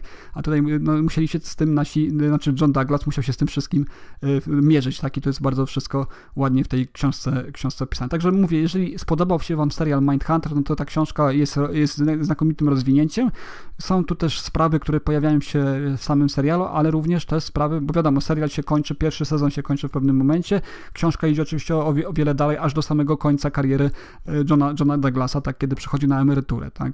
Y, trzeba dodać po, po zawale serca chyba. Y, no, to też, też pokazuje, że, że mm, jak, w jaki sposób ta, ta e, praca wpływa też na, na człowieka, kiedy go wykańcza też tak, jego relacje osobiste. On tu też bardzo fajnie wspomina jedną rzecz, że mm, on y, widząc te wszystkie cierpienia, tak, bo też Y, dzieci morderstwa, tak, brał udział w śledztwach, w których było za, za, za, zamordowane dzieci w brutalny sposób. On też miał córki i on tutaj bardzo fajnie mówi o tym, że yy, w jakiś sposób go to też e, z, troszeczkę mm, sprawiło, że stał się trochę mniej wrażliwy, tak? Kiedy, kiedy na przykład matka reaguje na, na przewrócenie się córki na rowerku, tak? Gdzie tam sobie y, kolano zdziera, tak? Y, a on taki już był troszeczkę mniej wrażliwy na tego typu rzeczy, codzienne sytuacje, które gdzieś tam powiedzmy w rodzicach głębszą empatię wzbudzają, on się troszeczkę jakby to, to nie wiem, uodpornił, czy, czy, czy zniewrażliwił też, tak? Także to też jest bardzo ważnym elementem tej książki, w jaki sposób zmienia psychikę samego śledczego, tak? E, obcowanie, roz, rozmowy z, psychi, z, psychicznie, e, z psychicznie chorymi mordercami, czy, czy też e, no, bywanie na, miejsc, na miejscach lub, lub oglądanie chociażby samych zdjęć tych, tych brutalnych zbrodni, no tutaj w tej książce, jak już wspomniałem, opis, opisanych z dość, dość, dość dużą szczegółowością, tak. Ale też ilość dzieci wpływa na, tak, na, na, na, takie postrzeganie, bo ja nie wiem, czy taki, znacie ten kawał, jak jak mhm. się ma pierwsze dziecko, jak połknie monetę, no to się jedzie z nim do szpitala, nie? Jak się ma drugie dziecko, mhm. no to się próbuje tą monetę jakoś tam yy, wydostać i samemu i, i się czeka i sprawdza się nocnik. A jak się ma trzecie, trzecie dziecko, to, to się takiemu dziecku potrąca po prostu z kieszonkowego. No tak, no y, no można, można z takim humorem, jakkolwiek mówię, są, są tu sprawy poważne, trochę humoru też jest, tak? To, jest, to jest ta część książki, której ja niespecjalnie lubię, bo, bo są też czasy studenckie opisane yy, Johna Douglasa, no jest, jest typem charakter, typem postaci, który, znaczy człowieka, którego ja bym nie, nie polubił za, za tą jego powierzchowność, tak? On taki, mhm. taki troszeczkę macho, trochę narcyzm, te, narcyzm też, ale, wszystko wie najlepiej, tak? Y, większość zasług, które tutaj są y, opisane w tej książce, no on, so, on sobie przypisuje, a wiadomo, że też za, za, za tą całą jednostką stało, stało, stało całe grono, tak? On bardzo rzadko schodzi z tego toru, kiedy mówi pomógł mi ten kolega z tej jednostki lub ten kolega z tej jednostki. Czasami o nich wspomina, tak? O tych, o których warto. Jest to bardzo fajny jeden rozdział poświęcony te, temu, jak jedna z żon agenta FBI zaplanowała morderstwo, tak? Swojego męża, tak? I tutaj jest cały rozdział o tym. Rozdział nosi tytuł Jeden z nas, gdzie, gdzie, gdzie no też y, bardzo ciekawa sytuacja, kiedy, kiedy agent FBI i żona wynajmuje na niego y, morderców y, płatnych i jak do tego, jak do tego dochodzi, jak oni do tego dochodzą, w jaki sposób to próbują mhm. rozwikłać, więc no, całkiem, całkiem prawie udane morderstwo trzeba dodać, by tylko, tylko jakaś taka, nie wiem, troszeczkę bo, bo, boska, boska ręka, czy, czy też nie wiem, czy to przeszkolenie też tego agenta, że on w ostatniej chwili zadzwonił, zadzwonił po, po, po wsparcie. Też jest takie, nie, nie, będę wam wszystkich zdradzał, ale jest też element taki, że telefonistka w pierwszym momencie y, odrzuciła ten, to jego wezwanie o pomoc, gdzie się liczyły każda sekunda. Każda sekunda jego życie, mogła zaważyć o jego życiu. Ona odrzuciła to wezwanie, bo myślała, że to jest jakiś żart, tak? bo zgłasza się do niej ktoś, kto to mówi, że jest agentem FBI i jego żona właśnie wynajęła na niego morderców płatnych, tak? No to tro, trochę, trochę można to potraktować też takim, jako, jako żart, bo to jest taka sytuacja wręcz nieprawdopodobna, nie? Dla takiej telefonistki, mhm. ale tutaj na szczęście ktoś tam czuwał nad nim i, i udało się go uratować, no i jest to cała sprawa opisana,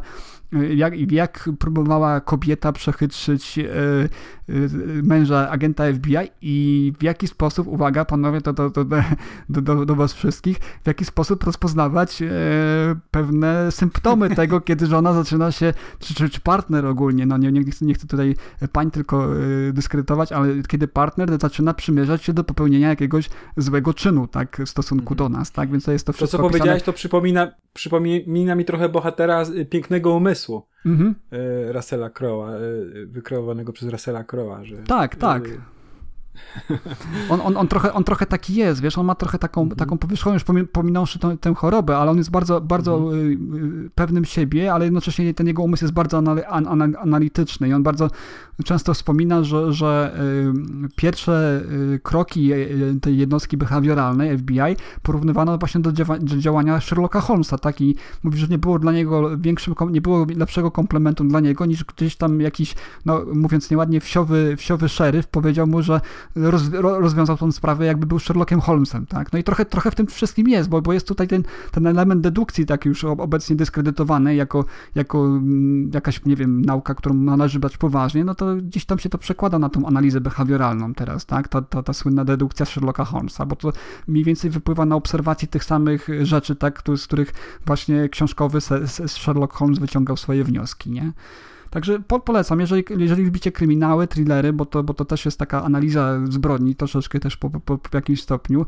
E, I no, jeżeli interesuje Was, w jaki sposób e, dzisiaj jest możliwe powstrzymanie morderców, tak, powstrzymanie tych ciągów, które kosztowały w przeszłości, kiedy jeszcze nie była ta technika tak opracowana, kosztowały setki, znaczy setki, no być może setki nawet e, ludzkich istnień życia, bo, bo nie było jeszcze do tego odpowiednich narzędzi, żeby temu zapobiegać, żeby z tym walczyć. Tak? A podobno w Stanach Stanach to jest takie proste wykryć yy, yy, seryjnego mordercę, bo zawsze ma dwa imiona. No te, teraz, teraz może już tak, teraz już może tak. No ale ten... Yy, no tak.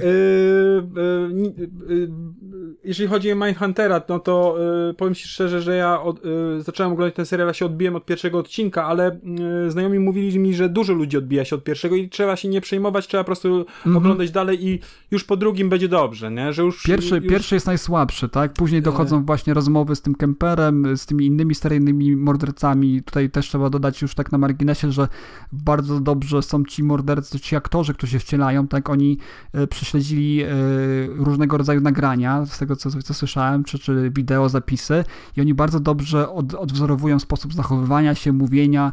Oni nawet cytują dokładnie, tutaj miałem porównanie właśnie Kempera oryginalnego z, z tym serialowym. Y, jeden obok drugiego był na ekranie, na YouTubie, można to sobie zobaczyć.